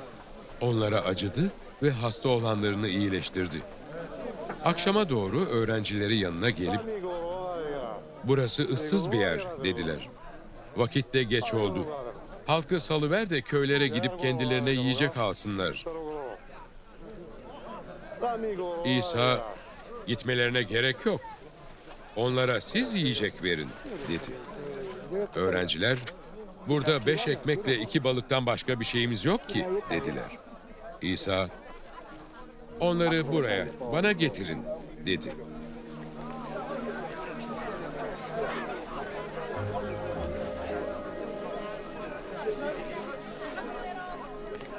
Halka çayıra oturmalarını buyurduktan sonra beş ekmekle iki balığı aldı, gözlerini göğe kaldırarak şükretti. Sonra ekmekleri bölüp öğrencilerine verdi, onlar da halka dağıttılar. Herkes yiyip doydu. Arta kalan parçalardan 12 sepet dolusu topladılar. Yemek yiyenlerin sayısı kadın ve çocuklar hariç yaklaşık 5000 erkekti. Bundan hemen sonra İsa öğrencilerine tekneye binip kendisinden önce karşı yakaya geçmelerini buyurdu. Bu arada halkı evlerine gönderecekti. Halkı gönderdikten sonra dua etmek için tek başına dağa çıktı. Akşam olurken orada yalnızdı. O sırada tekne kıyıdan bir hayli uzakta dalgalarla boğuşuyordu. Çünkü rüzgar karşı yönden esiyordu. Sabaha karşı İsa gölün üstünde yürüyerek onlara yaklaştı. Öğrenciler onun gölün üstünde yürüdüğünü görünce dehşete kapıldılar. Bu bir hayalet diyerek korkuyla bağırıştılar. Ama İsa hemen onlara seslenerek cesur olun, benim, korkmayın dedi. Petrus buna karşılık Ya Rab dedi. Eğer sen sen buyruk ver suyun üstünden yürüyerek sana geleyim. İsa gel dedi. Petrus da tekneden indi, suyun üstünden yürüyerek İsa'ya yaklaştı. Ama rüzgarın ne kadar güçlü estiğini görünce korktu, batmaya başladı. Ya Rab, beni kurtar! diye bağırdı. İsa hemen elini uzatıp onu tuttu. Ona, ey kıt imanlı, neden kuşku duydun? dedi.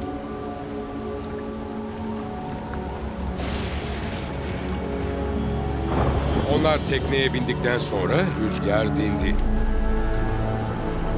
Teknedekiler sen gerçekten Tanrı'nın oğlusun diyerek ona tapındılar. Gölü aşıp Ginnesar'da karaya çıktılar. Yöre halkı İsa'yı tanıyınca çevreye haber saldı. Bütün hastaları ona getirdiler. Giysisinin eteğine bir dokunsak diye yalvarıyorlardı. Dokunanların hepsi iyileşti.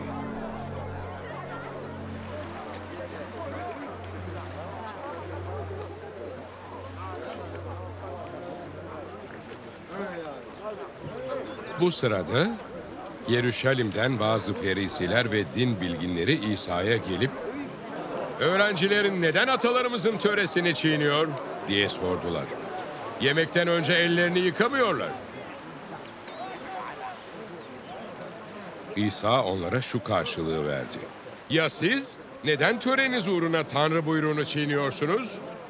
Çünkü Tanrı şöyle buyurdu. Annene babana saygı göstereceksin. Annesine ya da babasına söven kesinlikle öldürülecektir. Ama siz her kim anne ya da babasına benden alacağın bütün yardım Tanrı'ya adanmıştır derse artık babasına saygı göstermek zorunda değildir diyorsunuz. Böylelikle töreniz uğruna Tanrı'nın sözünü geçersiz kılmış oluyorsunuz. Ey iki yüzlüler! Yeşaya'nın sizinle ilgili şu peygamberlik sözü ne kadar yerindedir. Bu halk dudaklarıyla beni sayar ama yürekleri benden uzak. Bana boşuna taparlar. Çünkü öğrettikleri sadece insan buyruklarıdır. İsa halkı yanına çağırıp onlara Dinleyin ve şunu belleyin dedi. Ağızdan giren şey insanı kirletmez. İnsanı kirleten ağızdan çıkandır. Bu sırada öğrencileri ona gelip biliyor musun dediler. Ferisiler bu sözü duyunca gücendiler. İsa şu karşılığı verdi. Göksel babamın dikmediği her fidan kökünden sökülecektir. Bırakın onları. Onlar körlerin kör kılavuzlarıdır. Eğer kör köre kılavuzluk ederse ikisi de çukura düşer. Petrus, bu benzetmeyi bize açıkla dedi. Siz de mi hala anlamıyorsunuz diye sordu İsa. Ağza giren her şeyin mideye indiğini, oradan da helaya atıldığını bilmiyor musunuz? Ne var ki ağızdan çıkan yürekten kaynaklanır. İnsanı kirleten de budur. Çünkü kötü düşünceler, cinayet, zina, fuhuş, hırsızlık, yalan yere tanıklık ve iftira hep yürekten kaynaklanır. İnsanı kirleten bunlardır. Yıkanmamış ellerle yemek yemek insanı kirletmez.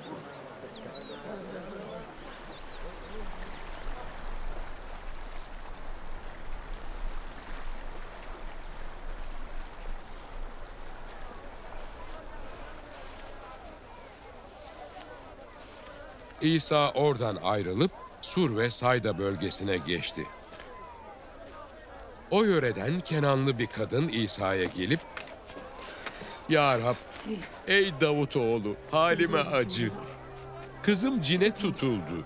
Çok kötü durumda diye feryat etti. İsa kadına hiçbir karşılık vermedi. Öğrencileri yaklaşıp sal şunu gitsin diye rica ettiler. Arkamızdan bağırıp duruyor.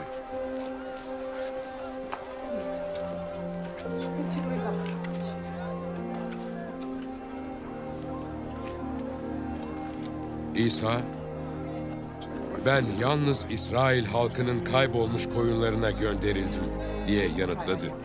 Kadınsa yaklaşıp, Ya Rab, bana yardım et diyerek onun önünde yere kapandı. İsa ona, çocukların ekmeğini alıp köpeklere atmak doğru değildir dedi. Kadın, haklısın ya Rab dedi. Ama köpekler de efendilerinin sofrasından düşen kırıntıları yer. O zaman İsa ona şu karşılığı verdi. Ey kadın, imanın büyük. Dilediğin gibi olsun.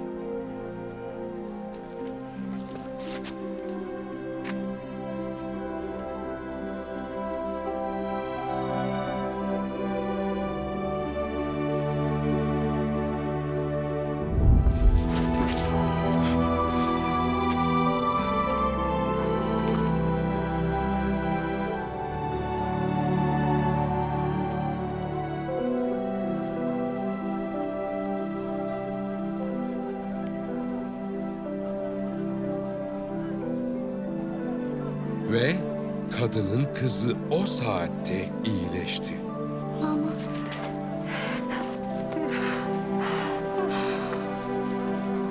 İsa oradan ayrıldı. Celile Gölü'nün kıyısından geçerek dağa çıkıp oturdu. Yanına büyük bir kalabalık geldi.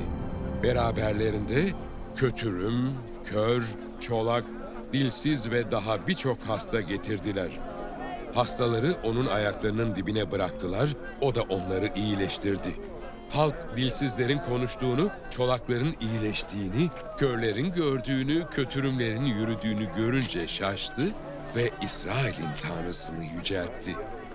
İsa öğrencilerini yanına çağırıp, halka acıyorum dedi. Üç gündür yanımdalar, yiyecek hiçbir şeyleri yok.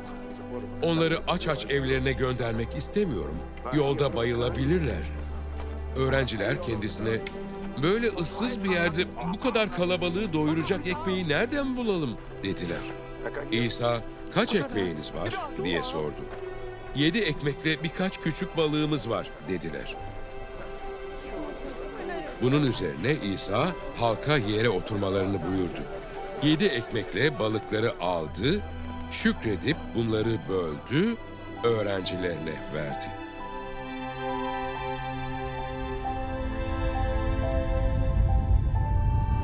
Onlar da halka dağıttılar. Herkes yiyip doydu.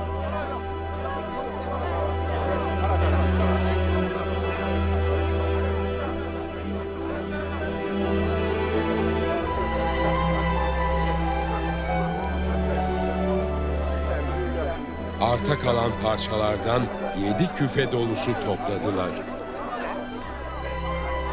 Yemek yiyenlerin sayısı kadın ve çocuklar hariç dört bin erkekti. İsa halkı evlerine gönderdikten sonra tekneye binip Magadan bölgesine geçti.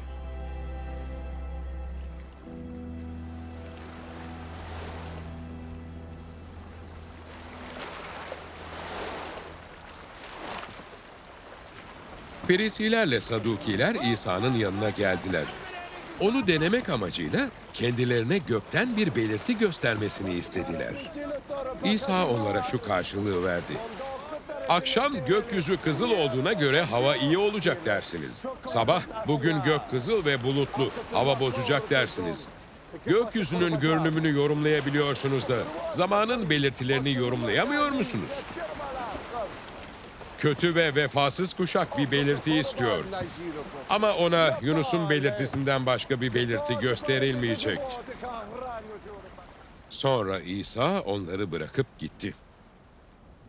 Öğrenciler gölün karşı yakasına geçerken ekmek almayı unutmuşlardı.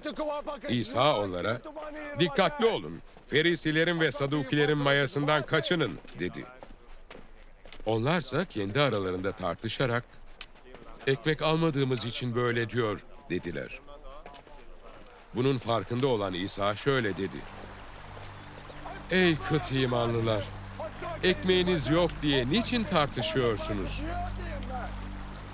Hala anlamıyor musunuz? Beş ekmekle beş bin kişinin doyduğunu, kaç sepet dolusu yemek fazlası topladığınızı hatırlamıyor musunuz? Yedi ekmekle dört bin kişinin doyduğunu, kaç küfe dolusu yemek fazlası topladığınızı hatırlamıyor musunuz? Ben size Ferisilerin ve Sadukilerin mayasından kaçının derken ekmekten söz etmediğimi nasıl olur da anlamazsınız? Ekmek mayasından değil de Ferisilerle Sadukilerin öğretisinden kaçının dediğini o zaman anladılar. İsa Filipus Sezariyesi bölgesine geldiğinde öğrencilerine şunu sordu. Halk insanoğlunun kim olduğunu söylüyor? Öğrencileri şu karşılığı verdiler. Kimi vaftizci Yahya, kimi İlyas, kimi de Yeremya ya da peygamberlerden biridir diyor. İsa onlara, siz ne dersiniz dedi. Sizce ben kimim? Simon Petrus, sen yaşayan Tanrı'nın oğlu Mesih'sin yanıtını verdi. İsa ona, ne mutlu sana Yunus oğlu Simon dedi. Bu sırrı sana açan insan değil, göklerdeki babamdır. Ben de sana şunu söyleyeyim. Sen Petrus'sun ve ben kilisemi bu kayanın üzerine kuracağım. Ölüler diyarının kapıları ona karşı direnemeyecek. Göklerin egemenliğinin anahtarlarını sana vereceğim. Yeryüzünde bağlayacağın her şey göklerde de bağlanmış olacak. Yeryüzünde çözeceğin her şey göklerde de çözülmüş olacak. Bu sözlerden sonra İsa kendisinin Mesih olduğunu kimseye söylememeleri için öğrencilerini uyardı. Bundan sonra İsa kendisinin Yeruşalim'e gitmesi, ileri gelenler, başkahinler ve din bilginlerinin elinden çok acı çekmesi, öldürülmesi ve üçüncü gün dirilmesi gerektiğini öğrencilerine anlatmaya başladı. Bunun üzerine Petrus onu bir kenara çekip azarlamaya başladı. Tanrı korusun ya Rab, senin başına asla böyle bir şey gelmeyecek dedi. Ama İsa Petrus'a dönüp, çekil önümden şeytan dedi. Bana engel oluyorsun. Düşüncelerin Tanrı'ya değil, insana özgüdür.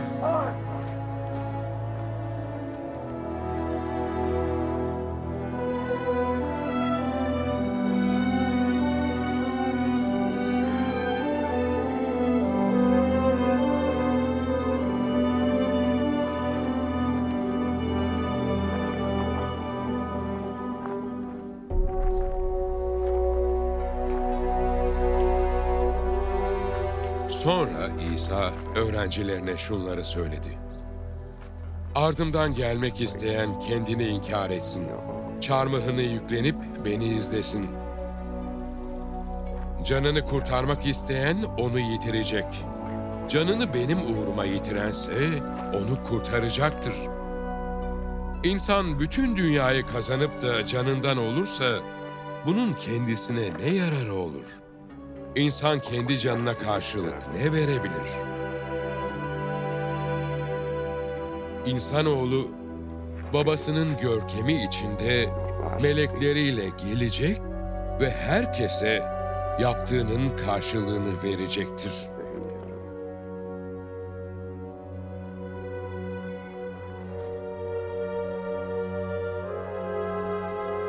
Size doğrusunu söyleyeyim. Burada bulunanlar arasında insanoğlunun kendi egemenliği içinde gelişini görmeden ölümü tatmayacak olanlar var.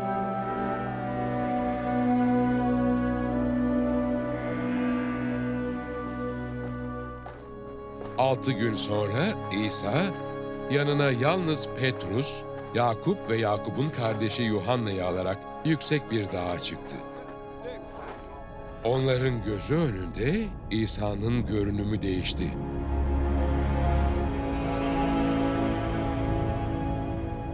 Yüzü güneş gibi parladı, giysileri ışık gibi bembeyaz oldu. O anda Musa ile İlyas öğrencilere göründü. İsa ile konuşuyorlardı. Petrus İsa'ya, "Ya Rab," dedi. "Burada bulunmamız ne iyi oldu. İstersen burada üç çardak kurayım. Biri sana, biri Musa'ya, biri de İlyas'a." Petrus daha konuşurken parlak bir bulut onlara gölge saldı. Buluttan gelen bir ses, Sevgili oğlum budur. Ondan hoşnudum. Onu dinleyin, dedi. Öğrenciler bunu işitince dehşet içinde yüzüstü yere kapandılar. İsa gelip onlara dokundu. Kalkın, korkmayın, dedi. Başlarını kaldırınca İsa'dan başka kimseyi göremediler.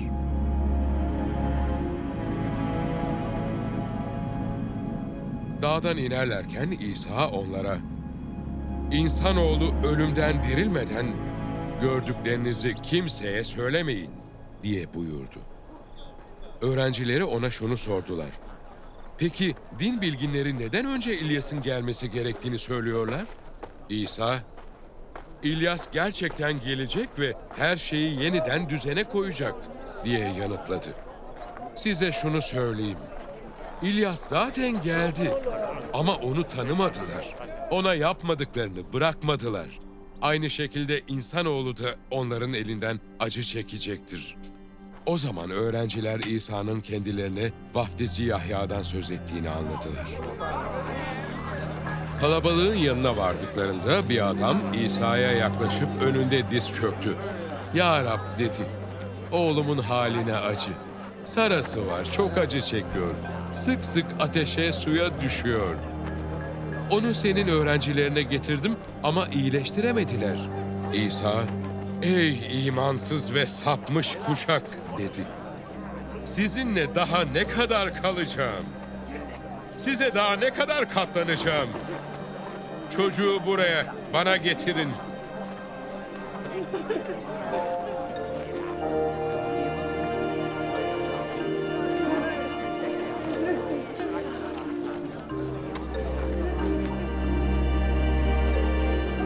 İsa cini azarlayınca cin çocuktan çıktı, çocuk o anda iyileşti. Sonra öğrenciler tek başlarına İsa'ya gelip biz cini neden kovamadık diye sordular. İsa, imanınız kıt olduğu için karşılığını verdi. Size doğrusunu söyleyeyim. Bir hardal tanesi kadar imanınız olsa şu dağa buradan şuraya göç derseniz göçer. Sizin için imkansız bir şey olmayacaktır.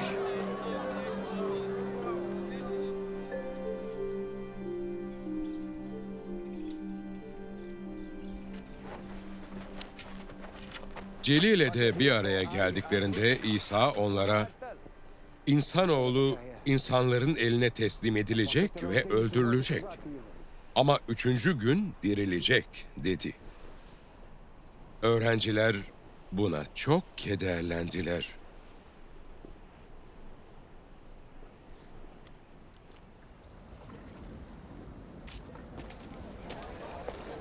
Kefarnahum'a geldiklerinde iki dirhemlik tapınak vergisini toplayanlar Petrus'a gelip öğretmeniniz tapınak vergisini ödüyor değil mi diye sordular. Petrus ödüyor dedi.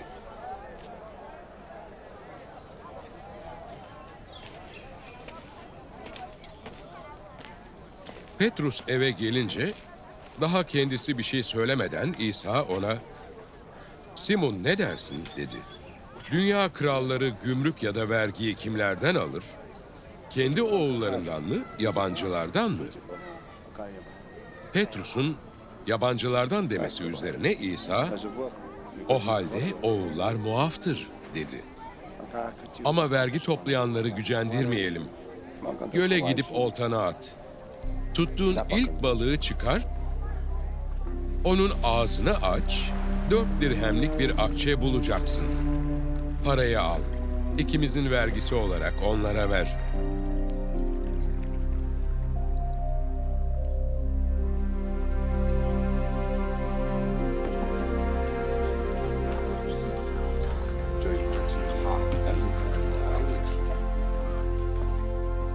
Bu sırada öğrencileri İsa'ya yaklaşıp göklerin egemenliğinde en büyük kimdir diye sordular. İsa yanına küçük bir çocuk çağırdı. Onu orta yere dikip şöyle dedi. Size doğrusunu söyleyeyim. Yolunuzdan dönüp küçük çocuklar gibi olmazsanız göklerin egemenliğine asla giremezsiniz. Kim bu çocuk gibi alçak gönüllü olursa göklerin egemenliğinde en büyük odur. Böyle bir çocuğu benim adım uğruna kabul eden beni kabul etmiş olur. Ama kim bana iman eden bu küçüklerden birini günaha düşürürse boynuna kocaman bir değirmen taşı asılıp denizin dibine atılması kendisi için daha iyi olur. İnsanı günaha düşüren tuzaklardan ötürü vay dünyanın haline. Böyle tuzakların olması kaçınılmazdır. Ama bu tuzaklara aracılık eden kişinin vay haline. Eğer elin ya da ayağın günah işlemene neden olursa onu kesip at. Tek el tek ayakla yaşama kavuşman, iki elle iki ayakla sönmez ateşe atılmandan iyidir. Eğer gözün günah işlemene neden olursa onu çıkar at.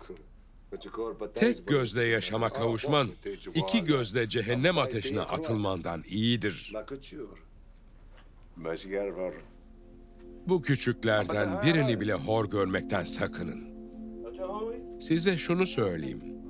Onların göklerdeki melekleri, göklerdeki babamın yüzünü her zaman görürler.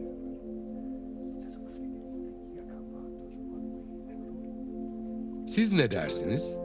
Bir adamın yüz koyunu olsa ve bunlardan biri yolunu şaşırsa, 99'unu dağlarda bırakıp yolunu şaşıranı aramaya gitmez mi?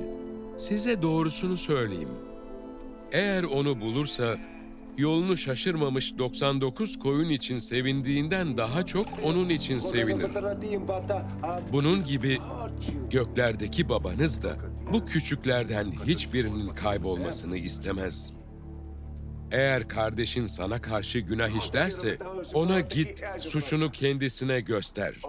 Her şey yalnız ikinizin arasında kalsın. Kardeşin seni dinlerse onu kazanmış olursun. Ama dinlemezse yanına bir ya da iki kişi daha al ki söylenen her şey iki ya da üç tanığın sözüyle doğrulansın. Onları da dinlemezse durumu inanlılar topluluğuna bildir.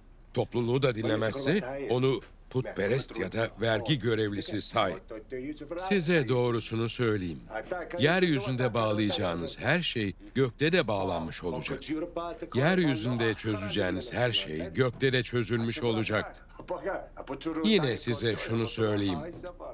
Yeryüzünde aranızdan iki kişi dileyecekleri herhangi bir şey için anlaşırlarsa göklerdeki babam dileklerini yerine getirir.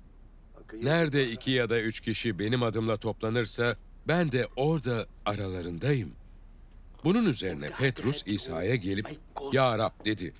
Kardeşim bana karşı kaç kez günah işlerse onu bağışlamalıyım? Yedi kez mi? İsa yedi kez değil dedi. Yetmiş kere yedi kez derim sana. Şöyle ki göklerin egemenliği köleleriyle hesaplaşmak isteyen bir krala benzer. Kral hesap görmeye başladığında kendisine borcu 10 bin talantı bulan bir köle getirildi. Kölenin ödeme gücü olmadığından efendisi onun karısının, çocuklarının ve bütün malının satılıp borcun ödenmesini buyurdu. Köle yere kapanıp efendisine Ne olur sabret. Bütün borcumu ödeyeceğim dedi. Efendisi köleye acıdı, borcunu bağışlayıp onu salıverdi. Ama köle çıkıp gitti, kendisine yüz dinar borcu olan başka bir köleye rastladı. Onu yakalayıp borcunu öde diyerek boğazına sarıldı. Bu köle yüzüstü yere kapandı. Ne olur sabret, borcumu ödeyeceğim diye yalvardı. Ama ilk köle bunu reddetti. Gitti, borcunu ödeyinceye dek adamı zindana kapattı. Öteki köleler olanları görünce çok üzüldüler. Efendilerine gidip bütün olup bitenleri anlattılar. Bunun üzerine efendisi köleyi yanına çağırdı. Ey kötü köle dedi. Bana yalvardığın için bütün borcunu bağışladım. Benim sana acıdığım gibi senin de köle arkadaşına acıman gerekmez miydi? Bu öfkeyle efendisi bütün borcunu ödeyinceye dek onu işkencecilere teslim etti. Eğer her biriniz kardeşini gönülden bağışlamazsa, Göksel babam da size öyle davranacaktır.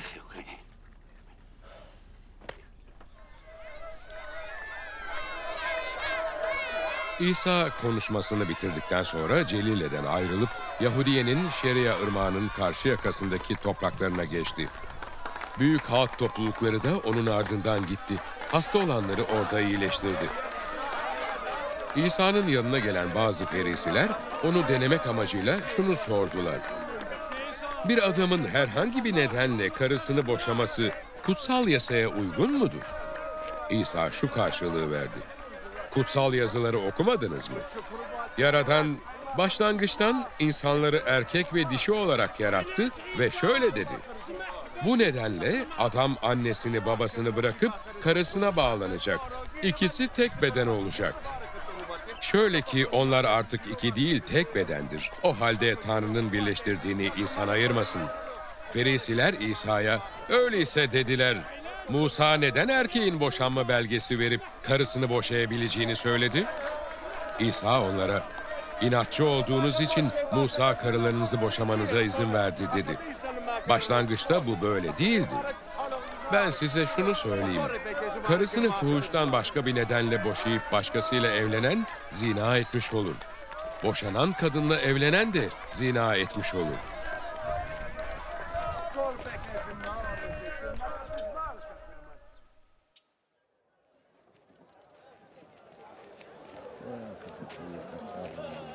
Öğrenciler İsa'ya, eğer erkekle karısı arasındaki ilişki buysa hiç evlenmemek daha iyi dediler.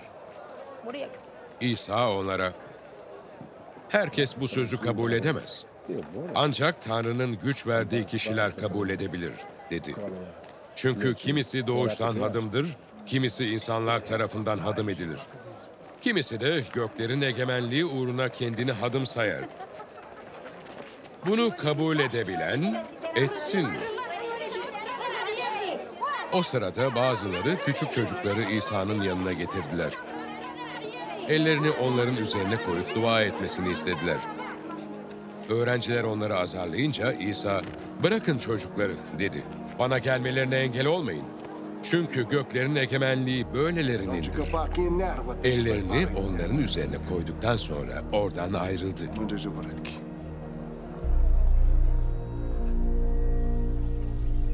Adamın biri İsa'ya gelip, "Öğretmenim, sonsuz yaşama kavuşmak için nasıl bir iyilik yapmalıyım?" diye sordu. İsa, "Bana neden iyilik hakkında soru soruyorsun?" dedi. "İyi olan yalnız biri var. Yaşama kavuşmak istiyorsan onun buyruklarını yerine getir." "Hangi buyrukları?" diye sordu adam. İsa şu karşılığı verdi. Adam öldürmeyeceksin, zina etmeyeceksin, çalmayacaksın, yalan yere tanıklık etmeyeceksin, annene babana saygı göstereceksin ve komşunu kendin gibi seveceksin. Genç adam, bunların hepsini yerine getirdim dedi. Daha ne eksiğim var? İsa ona, eğer eksiksiz olmak istiyorsan git varını yoğunu sat, parasını yoksullara ver. Böylece göklerde hazinen olur. Sonra gel beni izle dedi. Genç adam bu sözleri işitince üzüntü içinde oradan uzaklaştı. Çünkü çok malı vardı. İsa öğrencilerine size doğrusunu söyleyeyim dedi. Zengin kişi göklerin egemenliğine zor girecek. Yine şunu söyleyeyim ki devenin iğne deliğinden geçmesi zenginin tanrı egemenliğine girmesinden daha kolaydır. Bunu işiten öğrenciler büsbütün şaşırdılar. Öyleyse kim kurtulabilir diye sordular. İsa onlara bakarak, İnsanlar için bu imkansız ama Tanrı için her şey mümkündür dedi. Bunun üzerine Petrus ona bak dedi. Biz her şeyi bırakıp senin ardından geldik. Kazancımız ne olacak? İsa onlara size doğrusunu söyleyeyim dedi. Her şey yenilendiğinde, insanoğlu görkemli tahtına oturduğunda siz, evet ardımdan gelen sizler 12 tahta oturup İsrail'in 12 oymağını yargılayacaksınız. Benim adım uğruna evlerini, kardeşlerini, anne ya da babasını, çocuklarını ya da topraklarını bırakan herkes bunların yüz katını elde edecek ve sonsuz yaşamı miras alacak. Ne var ki birincilerin birçoğu sonuncu, sonuncuların birçoğu da birinci olacak.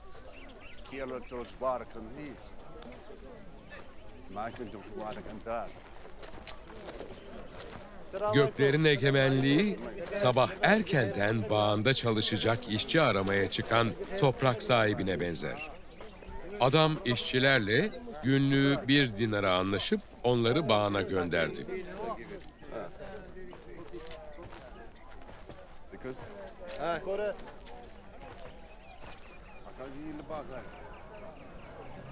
Saat 9'a doğru tekrar dışarı çıktı. Çarşı meydanında boş duran başka adamlar gördü. Onlara, siz de bağa gidip çalışın, hakkınız neyse veririm dedi.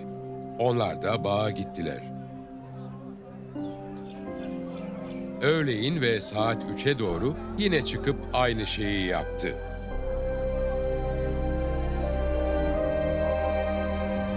Saat 5'e doğru çıkınca orada duran başka işçiler gördü. Onlara neden bütün gün burada boş duruyorsunuz diye sordu. Kimse bize iş vermedi ki dediler. Onlara siz de bağa gidin çalışın dedi. Akşam olunca bağın sahibi kahyasına işçileri çağır dedi. Sonuncudan başlayarak ilkine kadar hepsine ücretlerini ver. Saat 5'e doğru işe başlayanlar gelip kahyadan birer dinar aldılar. İlk başlayanlar gelince daha çok alacaklarını sandılar. Ama onlara da birer dinar verildi. Paralarını alınca bağ sahibine söylenmeye başladılar. En son çalışanlar yalnız bir saat çalıştı dediler. Ama onları günün yükünü ve sıcağını çeken bizlerle bir tuttun. Bağ sahibi onlardan birine şöyle karşılık verdi. Arkadaş, sana haksızlık etmiyorum ki. Seninle bir dinara anlaşmadık mı? Hakkını al git. Sana verdiğimi sonuncuya da vermek istiyorum. Kendi paramla istediğimi yapmaya hakkım yok mu? Yoksa cömertliğimi kıskanıyor musun? İşte böylece sonuncular birinci, birinciler de sonuncu olacak. İsa Yeruşalim'e giderken yolda 12 öğrencisini bir yana çekip onlara özel olarak şunu söyledi. Şimdi Yeruşalim'e gidiyoruz. İnsanoğlu başkâhinlerin ve din bilginlerinin eline teslim edilecek. Onlar da onu ölüm cezasına çarptıracaklar. Onunla alay etmeleri, kamçılayıp çarmıha gelmeleri için onu öteki uluslara teslim edecekler. Ne var ki o üçüncü gün dirilecek. O sırada Zebedi oğullarının annesi oğullarıyla birlikte İsa'ya yaklaştı. Önünde yere kapanarak kendisinden bir dileği olduğunu söyledi. İsa kadına ne istiyorsun diye sordu. Kadın, buyruk ver senin egemenliğinde bu iki oğlumdan biri sağında, biri solunda otursun dedi. Siz ne dilediğinizi bilmiyorsunuz diye karşılık verdi İsa. Benim içeceğim kaseden siz içebilir misiniz? Evet, içebiliriz dediler. İsa onlara, elbette benim kasemden içeceksiniz dedi. Ama sağımda ya da solumda oturmanıza izin vermek benim elimde değil. Babam bu yerleri belirli kişiler için hazırlamıştır. Bunu işiten on öğrenci iki kardeşe kızdılar. Ama İsa onları yanına çağırıp şöyle dedi. Bilirsiniz ki ulusların önderleri onlara egemen kesilir. İleri gelenleri de ağırlıklarını hissettirirler. Sizin aranızda böyle olmayacak. Aranızda büyük olmak isteyen ötekilerin hizmetkarı olsun. Aranızda birinci olmak isteyen ötekilerin kulu olsun. Nitekim insanoğlu hizmet edilmeye değil, hizmet etmeye ve canını birçokları için fidye olarak vermeye geldi. Eriha'dan ayrılırlarken büyük bir kalabalık İsa'nın ardından gitti. Yol kenarında oturan iki kör, İsa'nın oradan geçmekte olduğunu duyunca ''Ya Rab, ey Davutoğlu, halimize acı!'' diye bağırdılar. Kalabalık onları azarlayarak susturmak istediyse de onlar ''Ya Rab, ey Davutoğlu, halimize acı!'' diyerek daha çok bağırdılar. İsa durup onları çağırdı. ''Sizin için ne yapmamı istiyorsunuz?'' diye sordu. Onlar da ''Ya Rab, gözlerimiz açılsın!'' dediler. İsa onlara acıdı, gözlerine dokundu.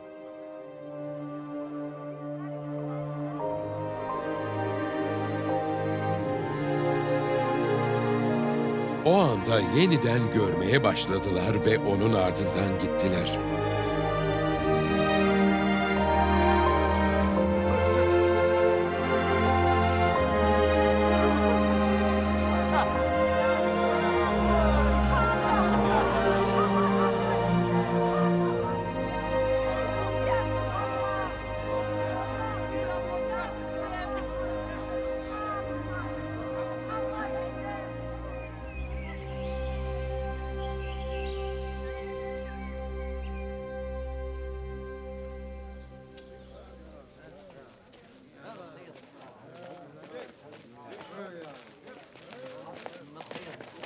Yeruşalim'e yaklaşıp Zeytin Dağı'nın yamacındaki Beytfacı köyüne geldiklerinde İsa iki öğrencisini önden gönderdi. Onlara karşınızdaki köye gidin dedi. Hemen orada bağlı bir dişi eşek ve yanında bir sıpa bulacaksınız. Onları çözüp bana getirin. Size bir şey diyen olursa Rabbin bunlara ihtiyacı var. Hemen geri gönderecek dersiniz. Bu olay peygamber aracılığıyla bildirilen şu söz yerine gelsin diye oldu. Siyon kızına deyin ki, işte alçak gönüllü kralın eşeğe, evet sıpaya, eşek yavrusuna binmiş sana geliyor. Öğrenciler gidip İsa'nın kendilerine buyurduğu gibi yaptılar. Eşekle sıpayı getirip üzerlerine giysilerini yaydılar. İsa sıpaya bindi. Halkın büyük bir bölümü giysilerini yolun üzerine serdi. Bazıları da ağaçlardan dal kesip yola seriyordu. Önden giden ve arkadan gelen kalabalıklar şöyle bağırıyorlardı. Davut oğluna hozanna! Rabbin adıyla gelene övgüler olsun. En yücelerde hozanna! İsa Yeruşalim'e girdiği zaman bütün kent bu kimdir diyerek çalkandı.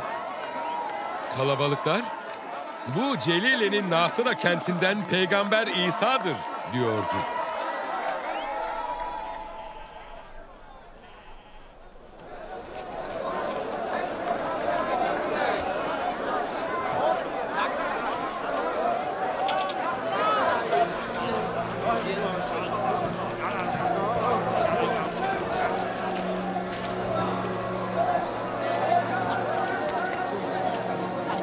İsa tapınağın avlusuna girerek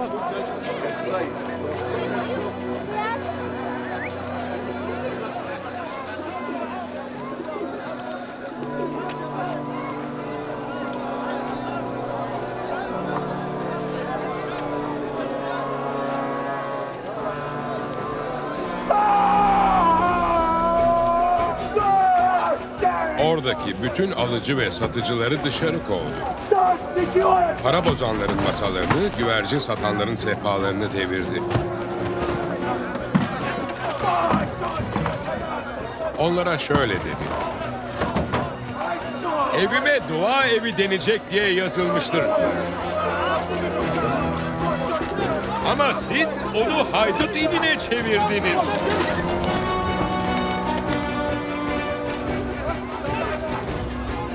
İsa tapınaktayken kendisine gelen kör ve kötürümleri iyileştirdi. Ne var ki başkahinlerle din bilginleri onun yarattığı harikaları ve tapınakta Davut oğluna Hozanna diye bağıran çocukları görünce öfkelendiler. İsa'ya bunların ne söylediğini duyuyor musun diye sordular. Duyuyorum dedi İsa. Siz şu sözü hiç okumadınız mı? Küçük çocukların ve emziktekilerin dudaklarından kendine övgüler döktürdün. İsa onları bırakıp kentten çıktı. Beytanya'ya dönüp geceyi orada geçirdi.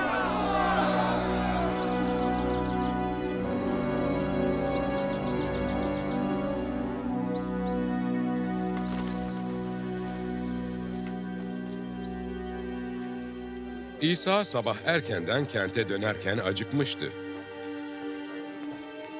Yol kenarında gördüğü bir incir ağacına yaklaştı. Ağaçta yapraktan başka bir şey bulamayınca ağaca "Artık sonsuza dek sende meyve yetişmesin." dedi. İncir ağacı o anda kurudu. Öğrenciler bunu görünce şaşkına döndüler. İncir ağacı birdenbire nasıl kurudu diye sordular. İsa onlara şu karşılığı verdi. Size doğrusunu söyleyeyim. Eğer imanınız olur da kuşku duymazsanız, yalnız incir ağacına olanı yapmakla kalmazsanız, şu dağa kalk, denize atıl derseniz dediğiniz olacaktır. İmanla dua ederseniz, dilediğiniz her şeyi alırsınız.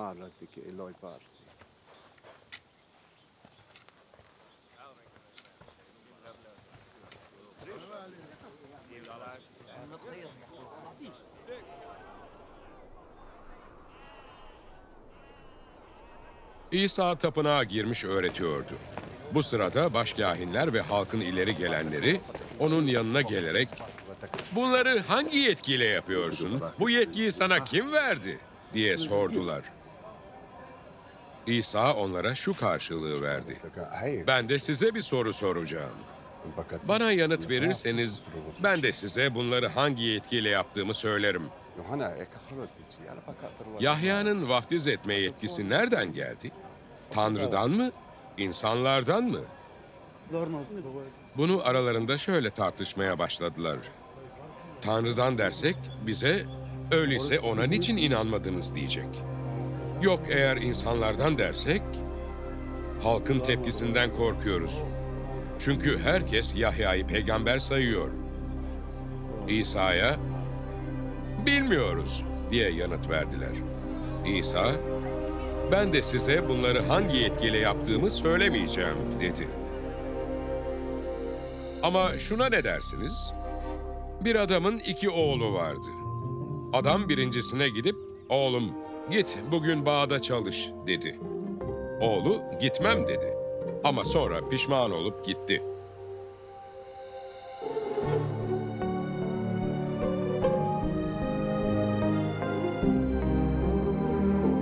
Adam ikinci oğluna gidip aynı şeyi söyledi. O, olur efendim dedi ama gitmedi. İkisinden hangisi babasının isteğini yerine getirmiş oldu? Birincisi diye karşılık verdiler. İsa da onlara, size doğrusunu söyleyeyim. Vergi görevlileriyle fahişeler, Tanrı'nın egemenliğine sizden önce giriyorlar, dedi. Yahya size doğruluk yolunu göstermeye geldi, ona inanmadınız. Oysa vergi görevlileriyle fahişeler ona inandılar. Siz bunu gördükten sonra bile pişman olup ona inanmadınız. Bir benzetme daha dinleyin. Toprak sahibi bir adam bağ dikti, çevresini çitle çevirdi. Üzüm sıkma çukuru kazdı. Bir de bekçi kulesi yaptı. Sonra bağı bağcılara kiralayıp yolculuğa çıktı. Bağ bozumu yaklaşınca üründen kendisine düşeni almaları için kölelerini bağcılara yolladı. Bağcılar adamın kölelerini yakaladı, birini dövdü, birini öldürdü, ötekini de taşladı. Bağ sahibi bu kez ilkinden daha çok sayıda köle yolladı. Bağcılar bunlara da aynı şeyi yaptılar. Sonunda bağ sahibi oğlumu sayarlar diyerek bağcılara onu yolladı. Ama bağcılar adamın oğlunu görünce birbirlerine mirasçı bu. Gelin onu öldürüp mirasına konalım dediler. Böylece onu yakaladılar. Bağdan atıp öldürdüler. Bu durumda bağın sahibi geldiği zaman bağcılara ne yapacak? İsa'ya şu karşılığı verdiler. Bu korkunç adamları korkunç bir şekilde yok edecek. Bağda ürününü kendisine zamanında verecek olan başka bağcılara kiralayacak.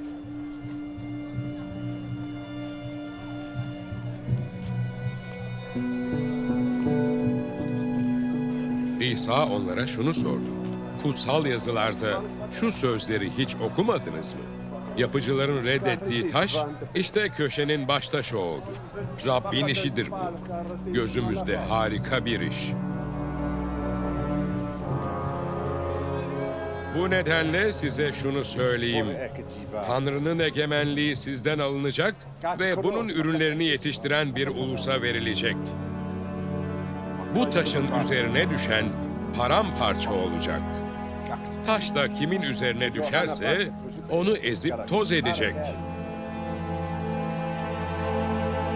Başkahinler ve ferisiler İsa'nın anlattığı benzetmeleri duyunca bunları kendileri için söylediğini anladılar.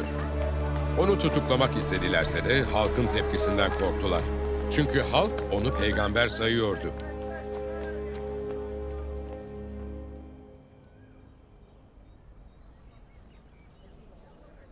İsa söz alıp onlara yine benzetmelerle şöyle seslendi. Göklerin egemenliği oğlu için düğün şöleni hazırlayan bir krala benzer. Kral şölene davet ettiklerini çağırmak üzere kölelerini gönderdi. Ama davetliler gelmek istemedi. Kral yine başka kölelerini gönderirken onlara dedi ki, davetlilere şunu söyleyin. Bakın ben ziyafetimi hazırladım. Sığırlarım, besili hayvanlarım kesildi. Her şey hazır. Buyurun şölene. Ama davetliler aldırmadılar. Biri tarlasına, biri ticaretine gitti. Öbürleri de kralın kölelerini yakalayıp hırpaladılar ve öldürdüler. Kral öfkelendi. Ordularını gönderip o katilleri yok etti. Kentlerini ateşe verdi. Sonra kölelerine şöyle dedi. Düğün şöleni hazır ama çağırdıklarım buna layık değilmiş. Gidin yol kavşaklarına, kimi bulursanız düğüne çağırın. Böylece köleler yollara döküldü. İyi kötü kimi buldularsa hepsini topladılar. Düğün yeri konuklarla doldu. Kral konukları görmeye geldiğinde orada düğün giysisi giymemiş bir adam gördü. Ona, "Arkadaş, düğün giysisi giymeden buraya nasıl girdin?" diye sorunca adamın dili tutuldu. O zaman kral uşaklarına, "Şunun ellerini ayaklarını bağlayın, dışarıya karanlığa atın." dedi. Orada ağlayış ve diş gıcırtısı olacaktır. Çünkü çağrılanlar çok ama seçilenler azdır.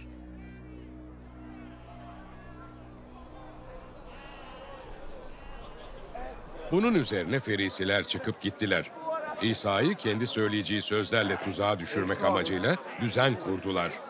Herodes yanlılarıyla birlikte gönderdikleri kendi öğrencileri İsa'ya gelip öğretmenimiz dediler. Senin dürüst biri olduğunu, Tanrı yolunu dürüstçe öğrettiğini, kimseyi kayırmadığını biliyoruz. Çünkü insanlar arasında ayrım yapmazsın. Peki söyle bize, sence Sezar'a vergi vermek kutsal yasaya uygun mu, değil mi? İsa onların kötü niyetlerini bildiğinden, Ey iki yüzlüler dedi. Beni neden deniyorsunuz? Vergi öderken kullandığınız parayı gösterin bana. Ona bir dinar getirdiler. İsa, bu resim, bu yazı kimin diye sordu. Sezar'ın dediler. O zaman İsa, öyleyse Sezar'ın hakkını Sezar'a, Tanrı'nın hakkını Tanrı'ya verin dedi. Bu sözleri duyunca şaştılar. İsa'yı bırakıp gittiler.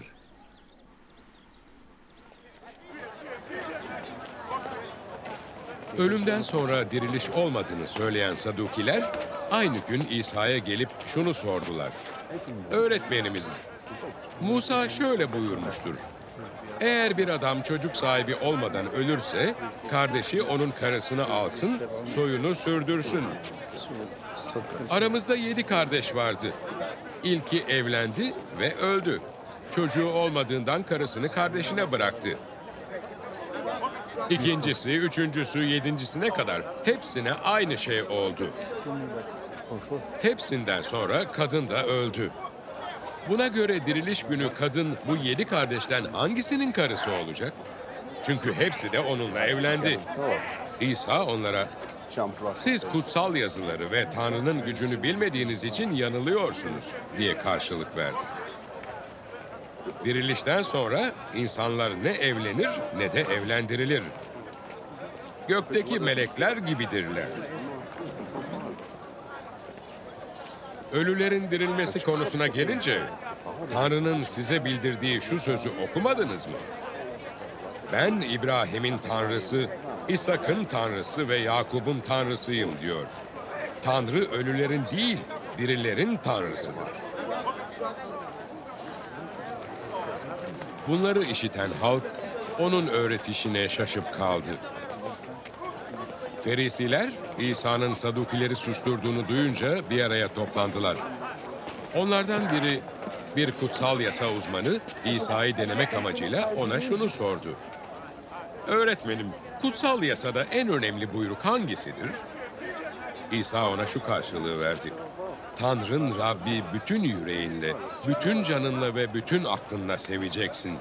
İşte ilk ve en önemli buyruk budur. İlkine benzeyen ikinci buyruk da şudur. Komşunu kendin gibi seveceksin. Kutsal yasanın tümü ve peygamberlerin sözleri bu iki buyruğa dayanır. Ferisiler toplu haldeyken İsa onlara şunu sordu. Mesih'le ilgili olarak ne düşünüyorsunuz? O kimin oğludur? Onlar da Davut'un oğlu dediler. İsa şöyle dedi. O halde nasıl oluyor da Davut ruhtan esinlenerek ondan Rab diye söz ediyor? Şöyle diyor Davut. Rab Rabbime dedi ki, ben düşmanlarını ayaklarının altına serinceye dek sağımda otur. Davut ondan Rab diye söz ettiğine göre o nasıl Davut'un oğlu olur? İsa'ya hiç kimse karşılık veremedi. O günden sonra artık kimse de ona bir şey sormaya cesaret edemedi.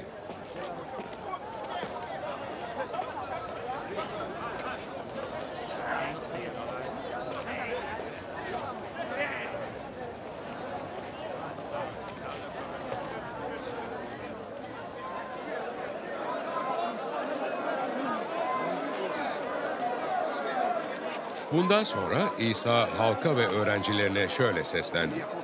Din bilginleri ve ferisiler Musa'nın kürsüsünde otururlar. Bu nedenle size söylediklerinin tümünü yapın ve yerine getirin. Ama onların yaptıklarını yapmayın. Çünkü söyledikleri şeyleri kendileri yapmazlar. Ağır ve taşınması güç yükleri bağlayıp başkalarının sırtına yüklerler. Kendileri ise bu yükleri taşımak için parmaklarını bile oynatmak istemezler. Yaptıklarının tümünü gösteriş için yaparlar. Örneğin hamaillerini büyük, giysilerinin püsküllerini uzun yaparlar. Şölenlerde baş köşeye, havralarda en seçkin yerlere kurulmaya bayılırlar. Meydanlarda selamlanmaktan ve insanların kendilerini Rabbi diye çağırmalarından zevk duyarlar. Kimse sizi Rabbi diye çağırmasın. Çünkü sizin tek öğretmeniniz var ve hepiniz kardeşsiniz. Yeryüzünde kimseye baba demeyin. Çünkü Tek babanız var, o da Göksel babadır. Kimse sizi önder diye çağırmasın. Çünkü tek önderiniz var, o da Mesih'tir.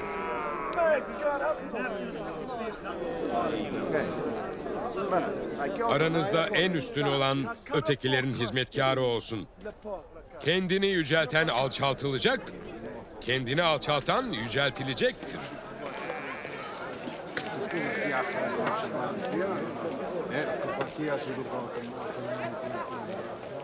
Vay halinize ey din bilginleri ve ferisiler, iki yüzlüler.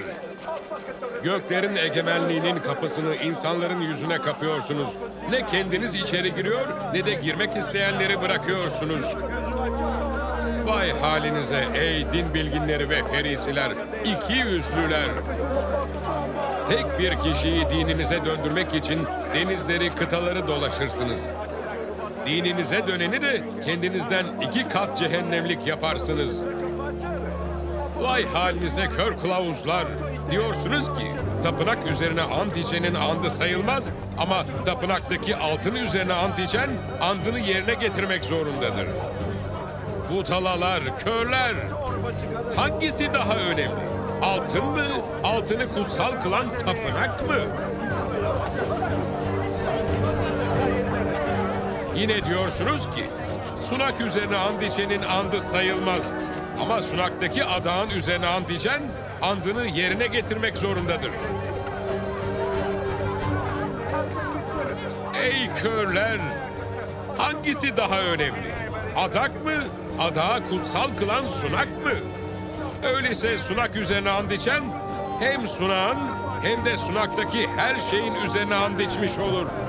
Tapınak üzerine and içen de hem tapınak hem de tapınakta yaşayan Tanrı üzerine and içmiş olur. Gök üzerine and içen Tanrı'nın tahtı ve tahtta oturanın üzerine and içmiş olur. Vay halinize ey din bilginleri ve ferisiler, iki yüzlüler. Siz nanenin, dereotunun ve kimyonun ondalığını verirsiniz de kutsal yasanın daha önemli konularını, adaleti, merhameti, sadakati ihmal edersiniz. Ondalık vermeyi ihmal etmeden asıl bunları yerine getirmeniz gerekirdi. Ey kör kılavuzlar! Küçük sineği süzer ayırır ama deveyi yutarsınız. Vay halinize ey din bilginleri ve ferisiler, iki yüzlüler. Bardağın ve çanağın dışını temizlersiniz. Oysa bunların içi aç gözlülük ve taşkınlıkla doludur. Ey kör ferisi, sen önce bardağın ve çanağın içini temizle ki dıştan da temiz olsunlar. Vay halinize ey din bilginleri ve ferisiler, iki yüzlüler. Siz dıştan güzel görünen ama içi ölü kemikleri ve her türlü pislikle dolu badanalı mezarlara benzersiniz. Dıştan insanlara doğru görünürsünüz ama işte iki yüzlülük ve kötülükle dolusunuz.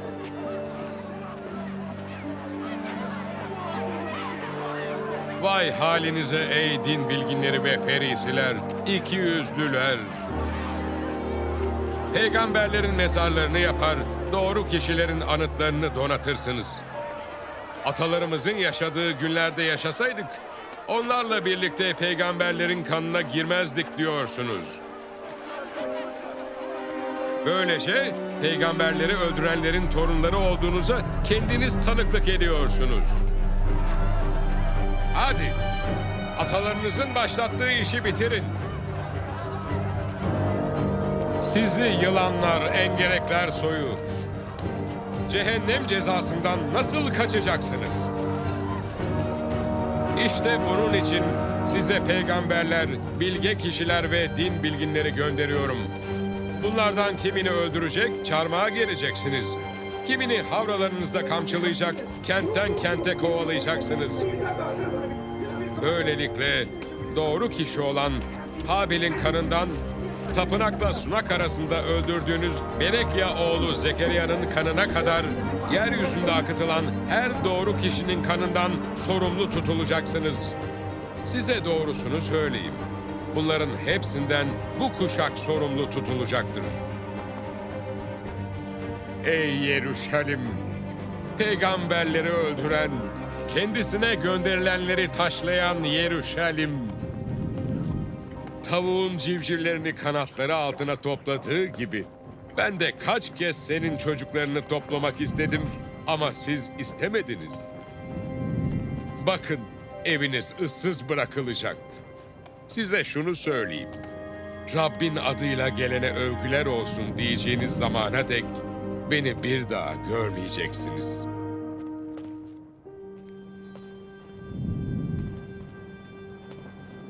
İsa tapınaktan çıkıp giderken öğrencileri tapınağın binalarını ona göstermek için yanına geldiler. İsa onlara bütün bunları görüyor musunuz dedi. Size doğrusunu söyleyeyim. Burada taş üstünde taş kalmayacak. Hepsi yıkılacak.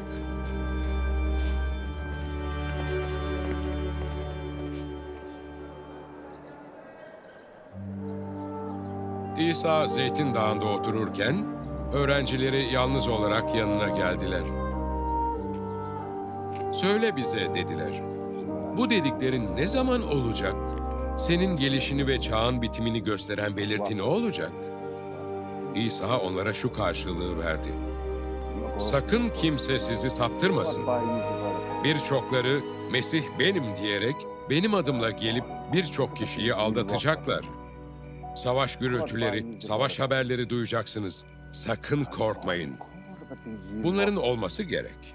Ama bu daha son demek değildir. Ulus ulusa, devlet devlete savaş açacak. Yer yer kıtlıklar, depremler olacak. Bütün bunlar doğum sancılarının başlangıcıdır. O zaman sizi sıkıntıya sokacak, öldürecekler. Benim adımdan ötürü bütün uluslar sizden nefret edecek. O zaman birçok kişi imandan sapacak, birbirlerini ele verecek ve birbirlerinden nefret edecekler. Birçok sahte peygamber türüyecek ve bunlar birçok kişiyi saptıracak. Kötülüklerin çoğalmasından ötürü birçoklarının sevgisi soğuyacak. Ama sonuna kadar dayanan kurtulacaktır. Göksel Ekemenliğin bu müjdesi bütün uluslara tanıklık olmak üzere dünyanın her yerinde duyurulacak. İşte o zaman son gelecektir. Peygamber Daniel'in sözünü ettiği yıkıcı iğrenç şeyin kutsal yerde dikildiğini gördüğünüz zaman okuyan anlasın, Yahudiye'de bulunanlar dağlara kaçsın. Damda olan evindeki eşyalarını almak için aşağı inmesin. Tarlada olan abasını almak için geri dönmesin.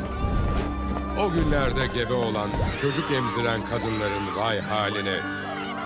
Dua edin ki kaçışınız kışa ya da şabat gününe rastlamasın.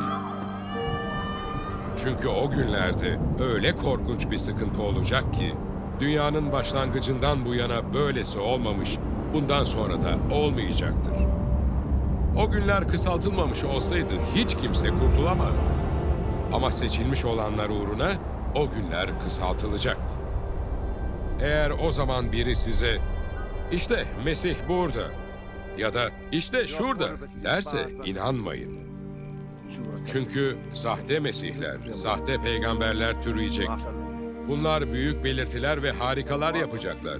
Öyle ki ellerinden gelse seçilmiş olanları bile saptıracaklar. İşte size önceden söylüyorum. Bunun için size işte Mesih çölde derlerse gitmeyin. Bakın iç odalarda derlerse inanmayın. Çünkü insanoğlunun gelişi doğuda çakıp batıya kadar her taraftan görülen şimşek gibi olacaktır. Leş neredeyse akbabalar oraya üşüşecek.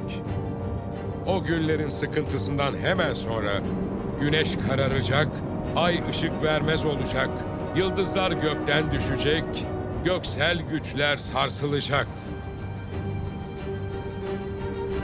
O zaman insanoğlunun belirtisi gökte görünecek. yeryüzündeki bütün halklar ağlayıp dövünecek. İnsanoğlunun gökteki bulutlar üzerinde büyük güç ve görkemle geldiğini görecekler. Kendisi güçlü bir borazan sesiyle meleklerini gönderecek. Melekler onun seçtiklerini göğün bir ucundan öbür ucuna dek dünyanın dört bucağından toplayacaklar. İncir ağacından ders alın. Dalları filizlenip yaprakları sürünce yaz mevsiminin yakın olduğunu anlarsınız. Aynı şekilde bütün bunların gerçekleştiğini gördüğünüzde bilin ki insanoğlu yakındır, kapıdadır. Size doğrusunu söyleyeyim.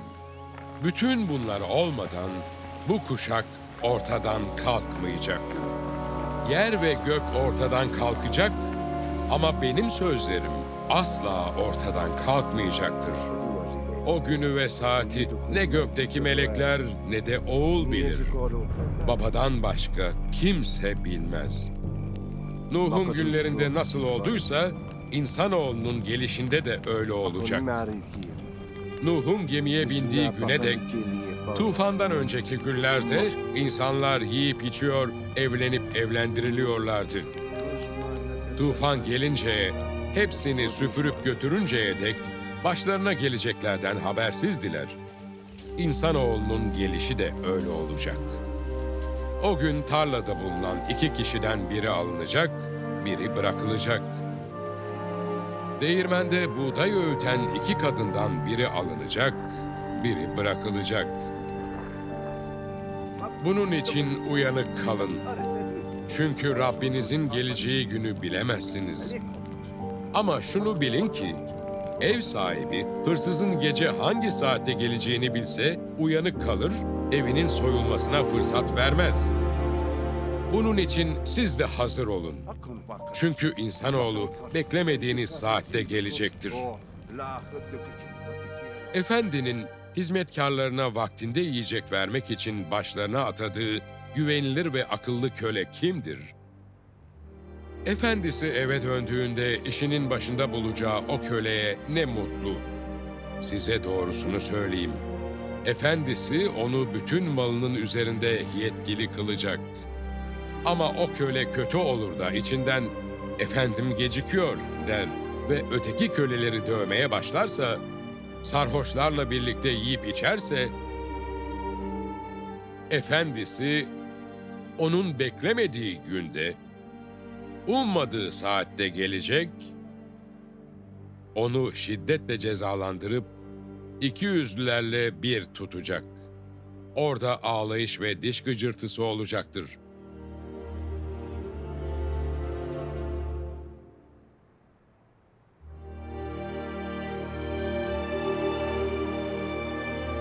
O zaman göklerin egemenliği kandillerini alıp güveyi karşılamaya çıkan on kıza benzeyecek.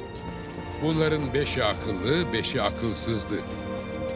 Akılsızlar yanlarına kandillerini aldılar ama yağ almadılar. Akıllılarsa kandilleriyle birlikte kaplar içinde yağ da aldılar. Güvey gecikince hepsini uyku bastı, dalıp uyudular. Gece yarısı bir ses yankılandı. İşte güvey geliyor, onu karşılamaya çıkın. Bunun üzerine kızların hepsi kalkıp kandillerini tazelediler. Akılsızlar akıllılara, kandillerimiz sönüyor, bize yağ verin dediler. Akıllılar, olmaz. Hem bize hem size yetmeyebilir. En iyisi satıcılara gidin, kendinize yağ alın dediler. Ne var ki onlar yağ satın almaya giderlerken güvey geldi. Hazırlıklı olan kızlar onunla birlikte düğün şölenine girdiler ve kapı kapandı. Daha sonra gelen öbür kızlar, "Efendimiz, efendimiz aç kapıyı bize." dediler. Güvey ise, "Size doğrusunu söyleyeyim. Sizi tanımıyorum." dedi. Bu nedenle uyanık kalın. Çünkü o günü ve o saati bilemezsiniz. Göksel egemenlik yolculuğa çıkan bir adamın kölelerini çağırıp malını onlara emanet etmesine benzer. Adam her birinin yeteneğine göre birine beş, birine iki, Birine de bir talant vererek yola çıktı. Beş talant alan hemen gidip bu parayı işletti ve beş talant daha kazandı. İki talant alan da iki talant daha kazandı. Bir talant alansa gidip toprağa kazdı ve efendisinin parasını sakladı. Uzun zaman sonra bu kölelerin efendisi döndü, onlarla hesaplaşmaya oturdu. Beş talant alan gelip beş talant daha getirdi. Efendimiz dedi, bana beş talant emanet etmiştin. Bak beş talant daha kazandım. Efendisi ona, aferin, iyi ve güvenilir köle dedi. Sen küçük işlerde güvenilir olduğunu gösterdin. Ben de seni büyük işlerin başına geçireceğim. Gel, efendinin şenliğine katıl. İki talant alan da geldi. Efendimiz dedi. Bana iki talant emanet etmiştin. Bak, iki talant daha kazandım. Efendisi ona, aferin, iyi ve güvenilir köle dedi. Sen küçük işlerde güvenilir olduğunu gösterdin, ben de seni büyük işlerin başına geçireceğim. Gel, efendinin şenliğine katıl. Sonra bir talant alan geldi. Efendimiz dedi, senin sert bir adam olduğunu biliyordum. Ekmediğin yerden biçer, harman savurmadığın yerden devşirirsin. Bu nedenle korktum. Gidip senin verdiğin talantı toprağa gömdüm. İşte, al paranı. Efendisi ona şu karşılığı verdi. Kötü ve tembel köle.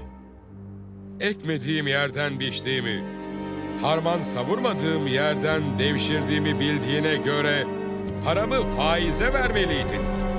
Ben de geldiğimde onu faiziyle geri alırdım. Hadi, elimdeki talantı alın, on talantı olana verin. Çünkü kimde varsa ona daha çok verilecek ve o bolluk içinde olacak. Ama kimde yoksa kendisinde olan da elinden alınacak. Şu yararsız köleyi dışarıya karanlığa atın. Orada ağlayış ve diş gıcırtısı olacaktır.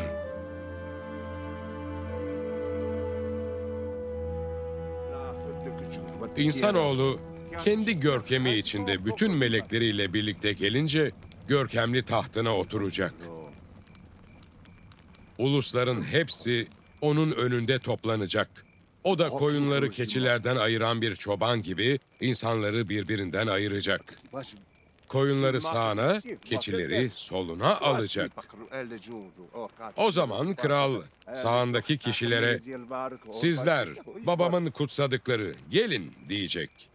Dünya kurulduğundan beri sizin için hazırlanmış olan egemenliği miras alın. Çünkü acıkmıştım, bana yiyecek verdiniz. Susamıştım, bana içecek verdiniz. Yabancıydım, beni içeri aldınız.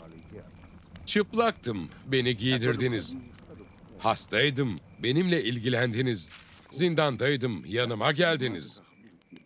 O vakit doğru kişiler ona şu karşılığı verecek. Ya Rab seni ne zaman aç görüp doyurduk, susuz görüp su verdik, ne zaman seni yabancı görüp içeri aldık ya da çıplak görüp giydirdik, seni ne zaman hasta ya da zindanda görüp yanına geldik. Kral da onları şöyle yanıtlayacak. Size doğrusunu söyleyeyim. Bu en basit kardeşlerimden biri için yaptığınızı benim için yapmış oldunuz. Sonra solundakilere şöyle diyecek. Ey lanetliler çekilin önümden. İblisle melekleri için hazırlanmış sönmez ateşe gidin. Çünkü acıkmıştım, bana yiyecek vermediniz. Susamıştım, bana içecek vermediniz. Yabancıydım, beni içeri almadınız. Çıplaktım, beni giydirmediniz. Hastaydım, zindandaydım, benimle ilgilenmediniz. O vakit onlar da şöyle karşılık verecekler. Ya Rab, seni ne zaman aç, susuz, yabancı, çıplak, hasta ya da zindanda gördük de yardım etmedik? Kral da onlara şu yanıtı verecek. Size doğrusunu söyleyeyim. Madem ki bu en basit kardeşlerimden biri için bunu yapmadınız, benim için de yapmamış oldunuz. Bunlar sonsuz azaba, doğrularsa sonsuz yaşama gidecekler.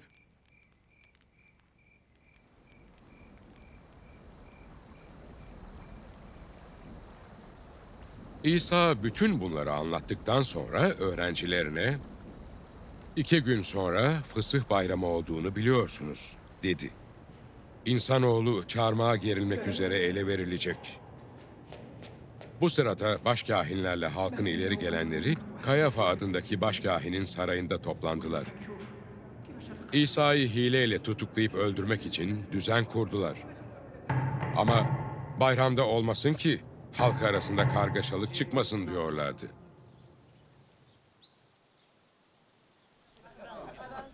İsa Beytanya'da cüzamlı Simon'un evindeyken yanına bir kadın geldi.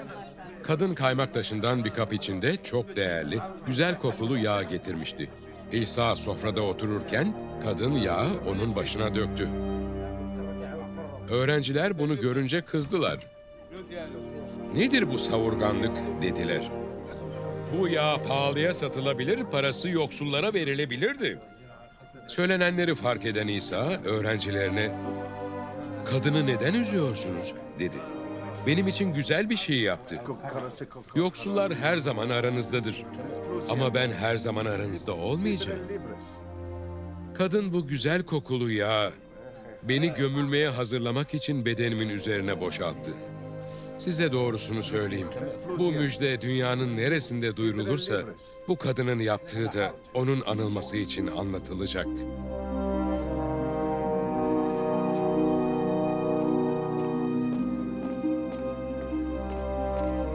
O sırada 12'lerden biri adı Yahuda İskaryot olanı başkahinlere giderek onu ele verirsem bana ne verirsiniz dedi. 30 gümüş tartıp ona verdiler. Yahuda o andan itibaren İsa'yı ele vermek için fırsat kollamaya başladı. Mayasız Ekmek Bayramı'nın ilk günü öğrenciler İsa'nın yanına gelerek Fısıh yemeğini yemen için nerede hazırlık yapmamızı istersin diye sordular. İsa onlara, kente varıp o adamın evine gidin dedi. Ona şöyle deyin, öğretmen diyor ki, zamanım yaklaştı. Fısıh bayramını öğrencilerimle birlikte senin evinde kutlayacağım. Öğrenciler İsa'nın buyruğunu yerine getirerek fısıh yemeği için hazırlık yaptılar. Akşam olunca İsa 12 öğrencisiyle yemeğe oturdu. Yemek yerlerken, size doğrusunu söyleyeyim. Sizden biri bana ihanet edecek, dedi. Bu söz onları kedere boğdu. Teker teker, Ya Rab beni demek istemedin ya, diye sormaya başladılar. O da, bana ihanet edecek olan, dedi. Elindeki ekmeği benimle birlikte sahana batırandır. İnsanoğlu kendisi için yazılmış olduğu gibi gidiyor. Ama insanoğluna ihanet edenin vay haline. O adam hiç doğmamış olsaydı kendisi için daha iyi olurdu. Ona ihanet edecek olan Yahuda, Rabbi yoksa beni mi demek istedin diye sordu. İsa ona, söylediğin gibidir karşılığını verdi.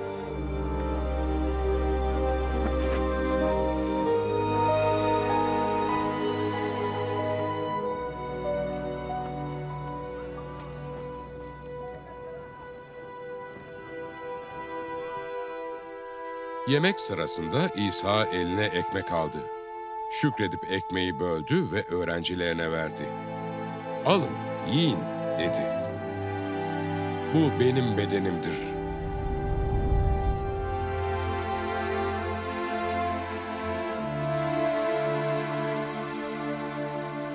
Sonra bir kase alıp şükretti ve bunu öğrencilerine vererek Hepiniz bundan için dedi. Çünkü bu benim kanımdır. Günahların bağışlanması için birçokları uğruna akıtılan antlaşma kanıdır. Size şunu söyleyeyim. Babamın egemenliğinde sizinle birlikte yenisini içeceğim o güne dek asmanın bu ürününden bir daha içmeyeceğim. İlahi söyledikten sonra dışarı çıkıp Zeytin Dağı'na doğru gittiler. Bu arada İsa öğrencilerine, bu gece hepiniz benden ötürü sendeleyip düşeceksiniz dedi. Çünkü şöyle yazılmıştır. Çobanı vuracağım. Sürüdeki koyunlar darmadağın olacak. Ama ben dirildikten sonra sizden önce Celile'ye gideceğim. Petrus ona, herkes senden ötürü sendeleyip düşse de ben asla düşmem dedi. Sana doğrusunu söyleyeyim dedi İsa. Bu gece horoz ötmeden beni üç kez inkar edeceksin. Petrus, seninle birlikte ölmem gerekse bile seni asla inkar etmem dedi. Öğrencilerin hepsi de aynı şeyi söyledi.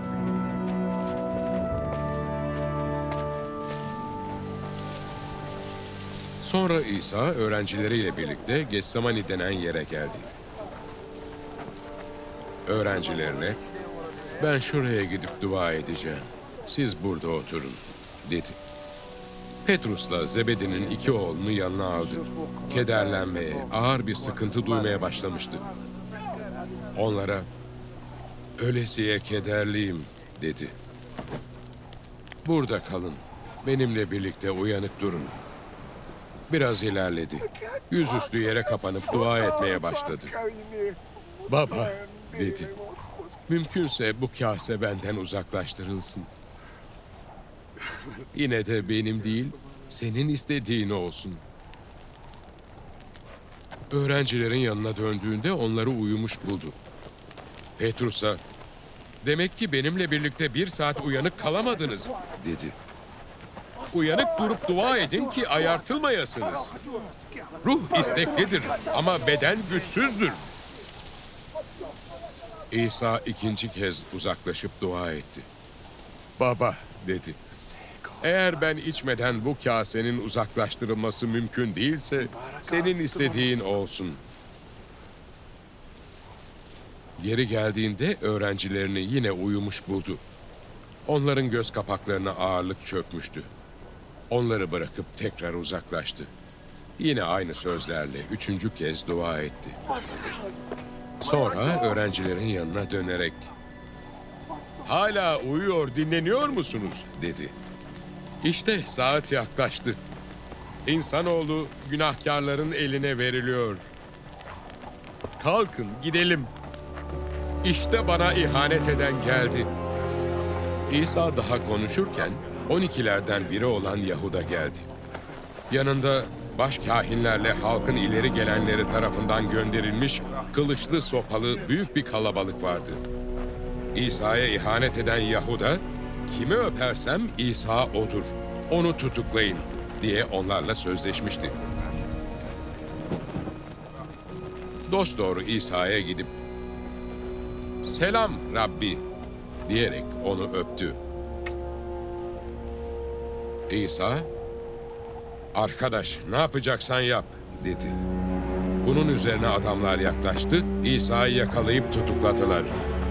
İsa ile birlikte olanlardan biri ani bir hareketle kılıcını çekti, başkahinin kölesine vurup kulağını uçurdu. O zaman İsa ona kılıcını yerine koy dedi. Kılıç çekenlerin hepsi kılıçla ölecek. Yoksa babamdan yardım isteyemez miyim sanıyorsun? İstesem hemen şu an bana 12 tümenden fazla melek gönderir. Ama böyle olması gerektiğini bildiren kutsal yazılar o zaman nasıl yerine gelir? Bundan sonra İsa kalabalığa dönüp şöyle seslendi. Niçin bir haydutmuşum gibi beni kılıç ve sopalarla yakalamaya geldiniz? Her gün tapınakta oturup öğretiyordum, beni tutuklamadınız. Ama bütün bunlar peygamberlerin yazdıkları yerine gelsin diye oldu. O zaman öğrencilerin hepsi onu bırakıp kaçtı. İsa'yı tutuklayanlar onu başkahin Kayafa'ya götürdüler. Din bilginleriyle ileri gelenler de orada toplanmışlardı. Petrus İsa'yı uzaktan ta başkahinin avlusuna kadar izledi. Sonucu görmek için içeri girip nöbetçilerin yanına oturdu.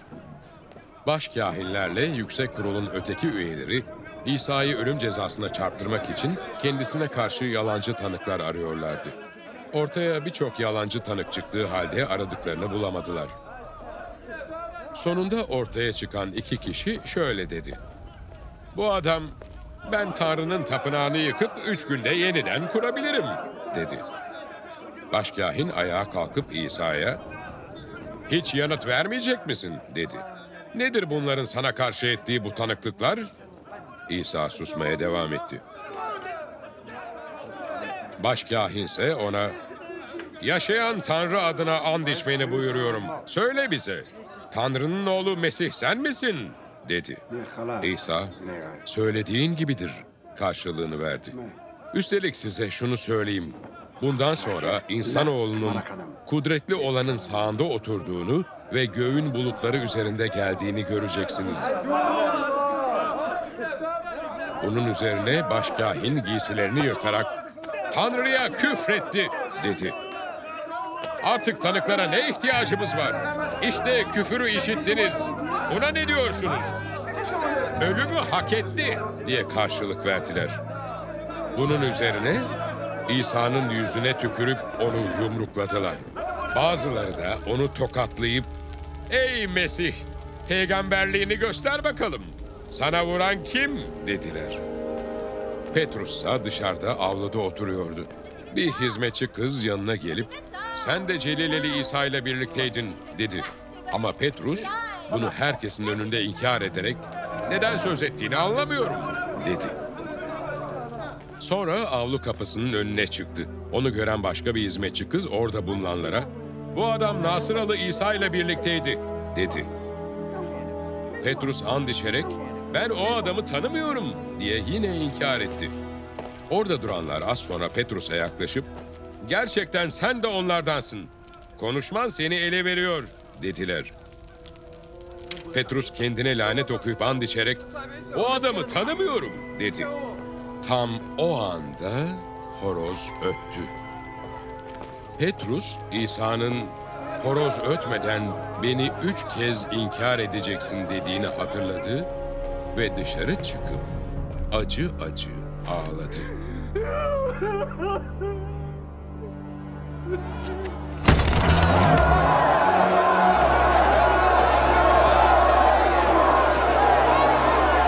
Sabah olunca bütün başkahinlerle halkın ileri gelenleri İsa'yı ölüm cezasına çarptırmak konusunda anlaştılar. Onu bağladılar ve götürüp Vali Pilatus'a teslim ettiler.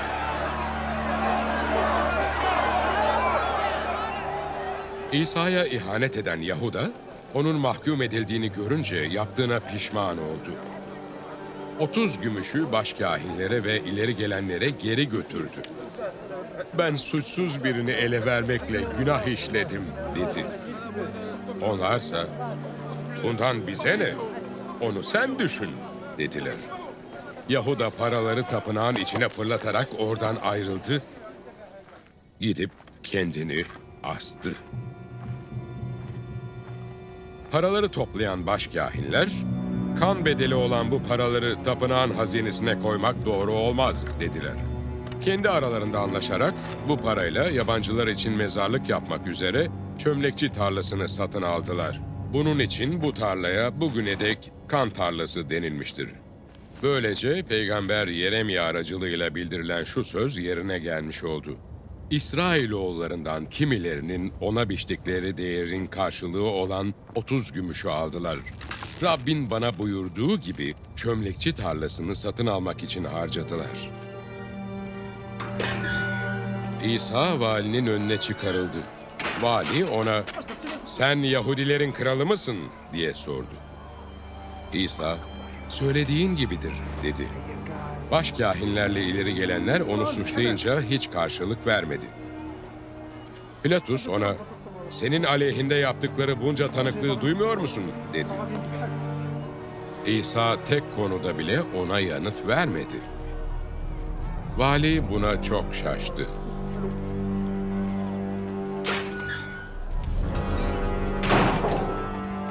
Her fısıh bayramında vali halkın istediği bir tutukluyu salıvermeyi adet edinmişti. O günlerde Barab Bağı'nda ünlü bir tutuklu vardı.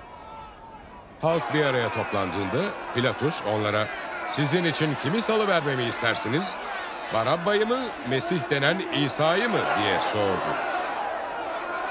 İsa'yı kıskançlıktan ötürü kendisine teslim ettiklerini biliyordu. Pilatus yargı kürsüsünde otururken karısı ona o doğru adama dokunma.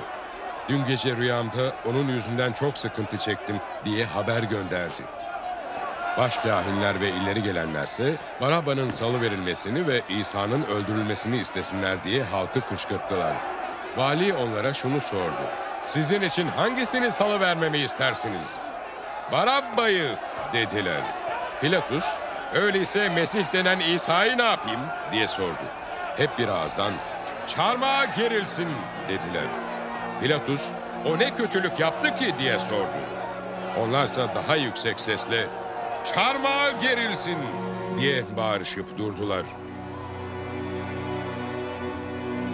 Pilatus elinden bir şey gelmediğini, tersine bir kargaşalığın başladığını görünce su aldı, kalabalığın önünde ellerini yıkayıp şöyle dedi.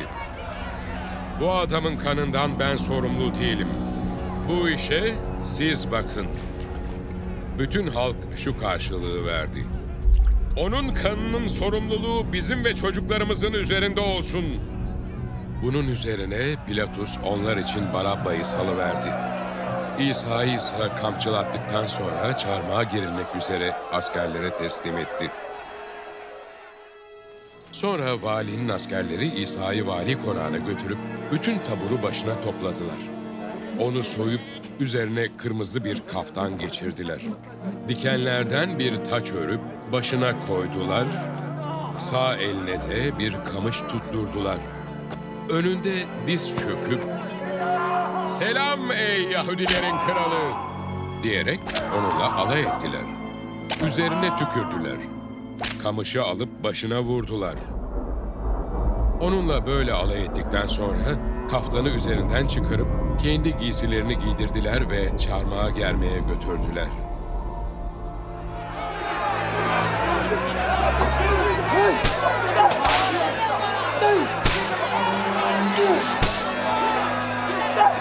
Dışarı çıktıklarında Simon adında Kireneli bir adama rastladılar. İsa'nın çarmıhını ona zorla taşıttılar.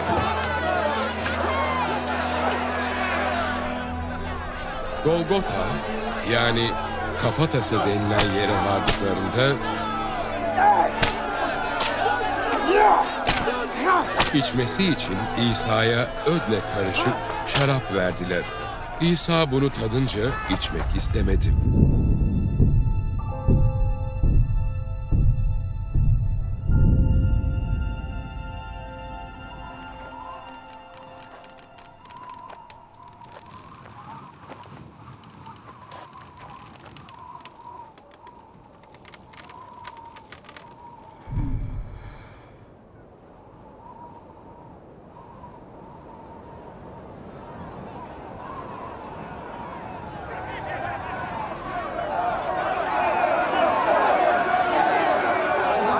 Askerler onu çarmıha gerdikten sonra kura çekerek giysilerini aralarında paylaştılar.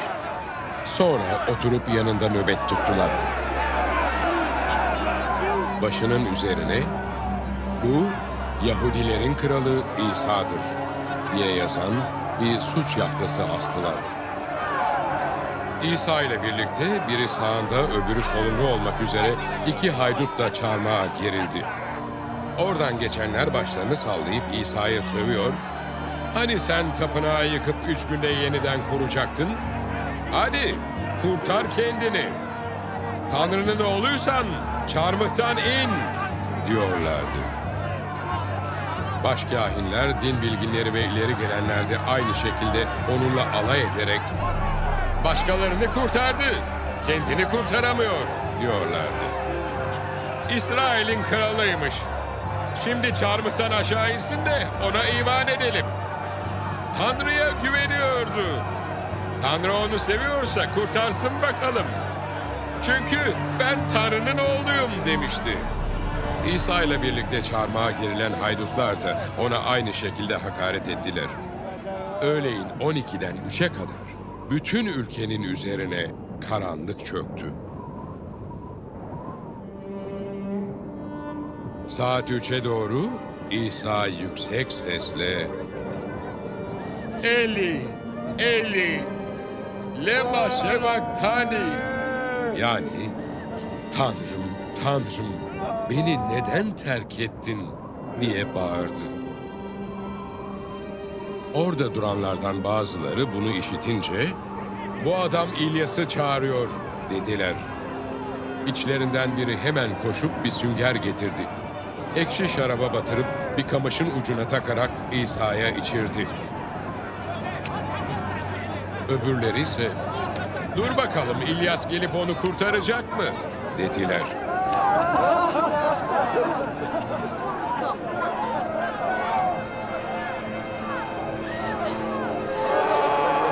İsa yüksek sesle bir kez daha bağırdı ve ruhunu teslim etti.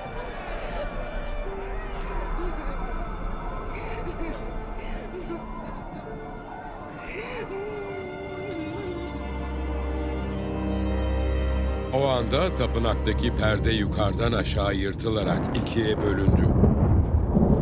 Yer sarsıldı, kayalar yarıldı. Mezarlar açıldı, ölmüş olan birçok kutsal kişinin cesetleri dirildi. Bunlar mezarlarından çıkıp İsa'nın dirilişinden sonra kutsal kente girdiler ve birçok kimseye göründüler. İsa'yı bekleyen yüzbaşı ve beraberindeki askerler depremi ve öbür olayları görünce dehşete kapıldılar. Bu gerçekten Tanrı'nın oğluydu dediler. Orada olup bitenleri uzaktan izleyen birçok kadın vardı. Bunlar Celile'den İsa'nın ardından gelip ona hizmet etmişlerdi. Aralarında Mecdelli Meryem, Yakup'la Yusuf'un annesi Meryem ve Zebedi oğullarının annesi de vardı. Akşama doğru Yusuf adında zengin bir Aramatyalı geldi. O da İsa'nın bir öğrencisiydi. Pilatus'a gidip İsa'nın cesedini istedi. Pilatus da cesedin ona verilmesini buyurdu. Yusuf cesedi aldı, temiz keten beze sardı, kayaya oydurduğu kendi yeni mezarına yatırdı.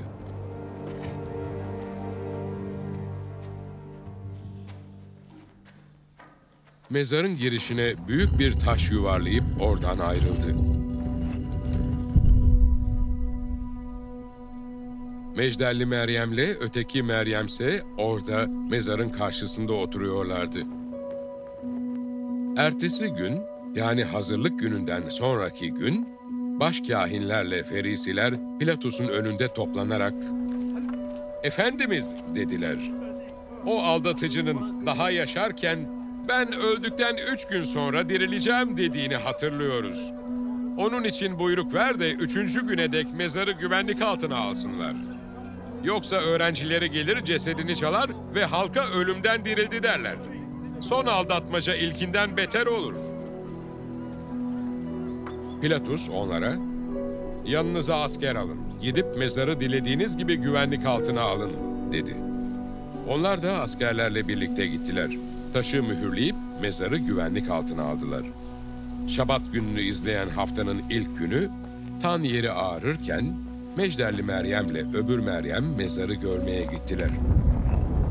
Ansızın büyük bir deprem oldu. Rabbin bir meleği gökten indi ve mezara gidip taşı bir yana yuvarlayarak üzerine oturdu. Görünüşü şimşek gibi, giysileri ise kar gibi bembeyazdı. Nöbetçiler korkudan titremeye başladılar. Sonra ölü gibi yere yıkıldılar. Melek kadınlara şöyle seslendi. Korkmayın. Çarmıha gerilen İsa'yı aradığınızı biliyorum. O burada yok. Söylemiş olduğu gibi dirildi. Gelin, onun yattığı yeri görün. Çabuk gidin öğrencilerine şöyle deyin. İsa ölümden dirildi. Sizden önce Celile'ye gidiyor. Kendisini orada göreceksiniz. İşte ben size söylemiş bulunuyorum. Kadınlar korku ve büyük sevinç içinde hemen mezardan uzaklaştılar. Koşarak İsa'nın öğrencilerine haber vermeye gittiler.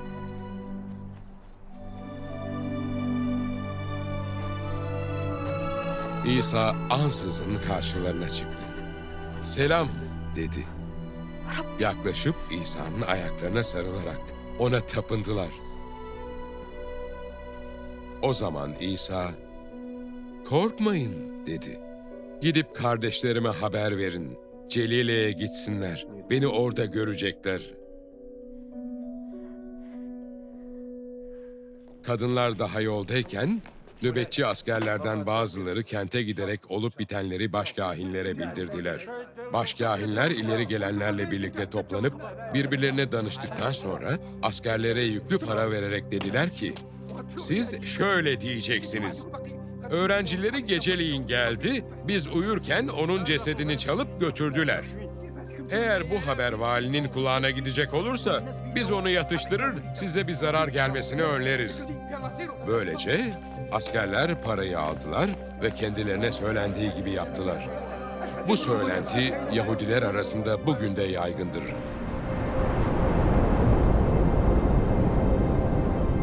On bir öğrenci Celile'ye İsa'nın kendilerine bildirdiği dağa gittiler. İsa'yı gördükleri zaman ona tapındılar. Ama bazıları kuşku içindeydi. İsa yanlarına gelip kendilerine şunları söyledi. Gökte ve yeryüzünde bütün yetki bana verildi. Bu nedenle gidin, bütün ulusları öğrencilerim olarak yetiştirin. Onları Baba, Oğul ve Kutsal Ruh'un adıyla vaftiz edin. Size buyurduğum her şeye uymayı onlara öğretin. İşte ben dünyanın sonuna dek her an sizinle birlikteyim.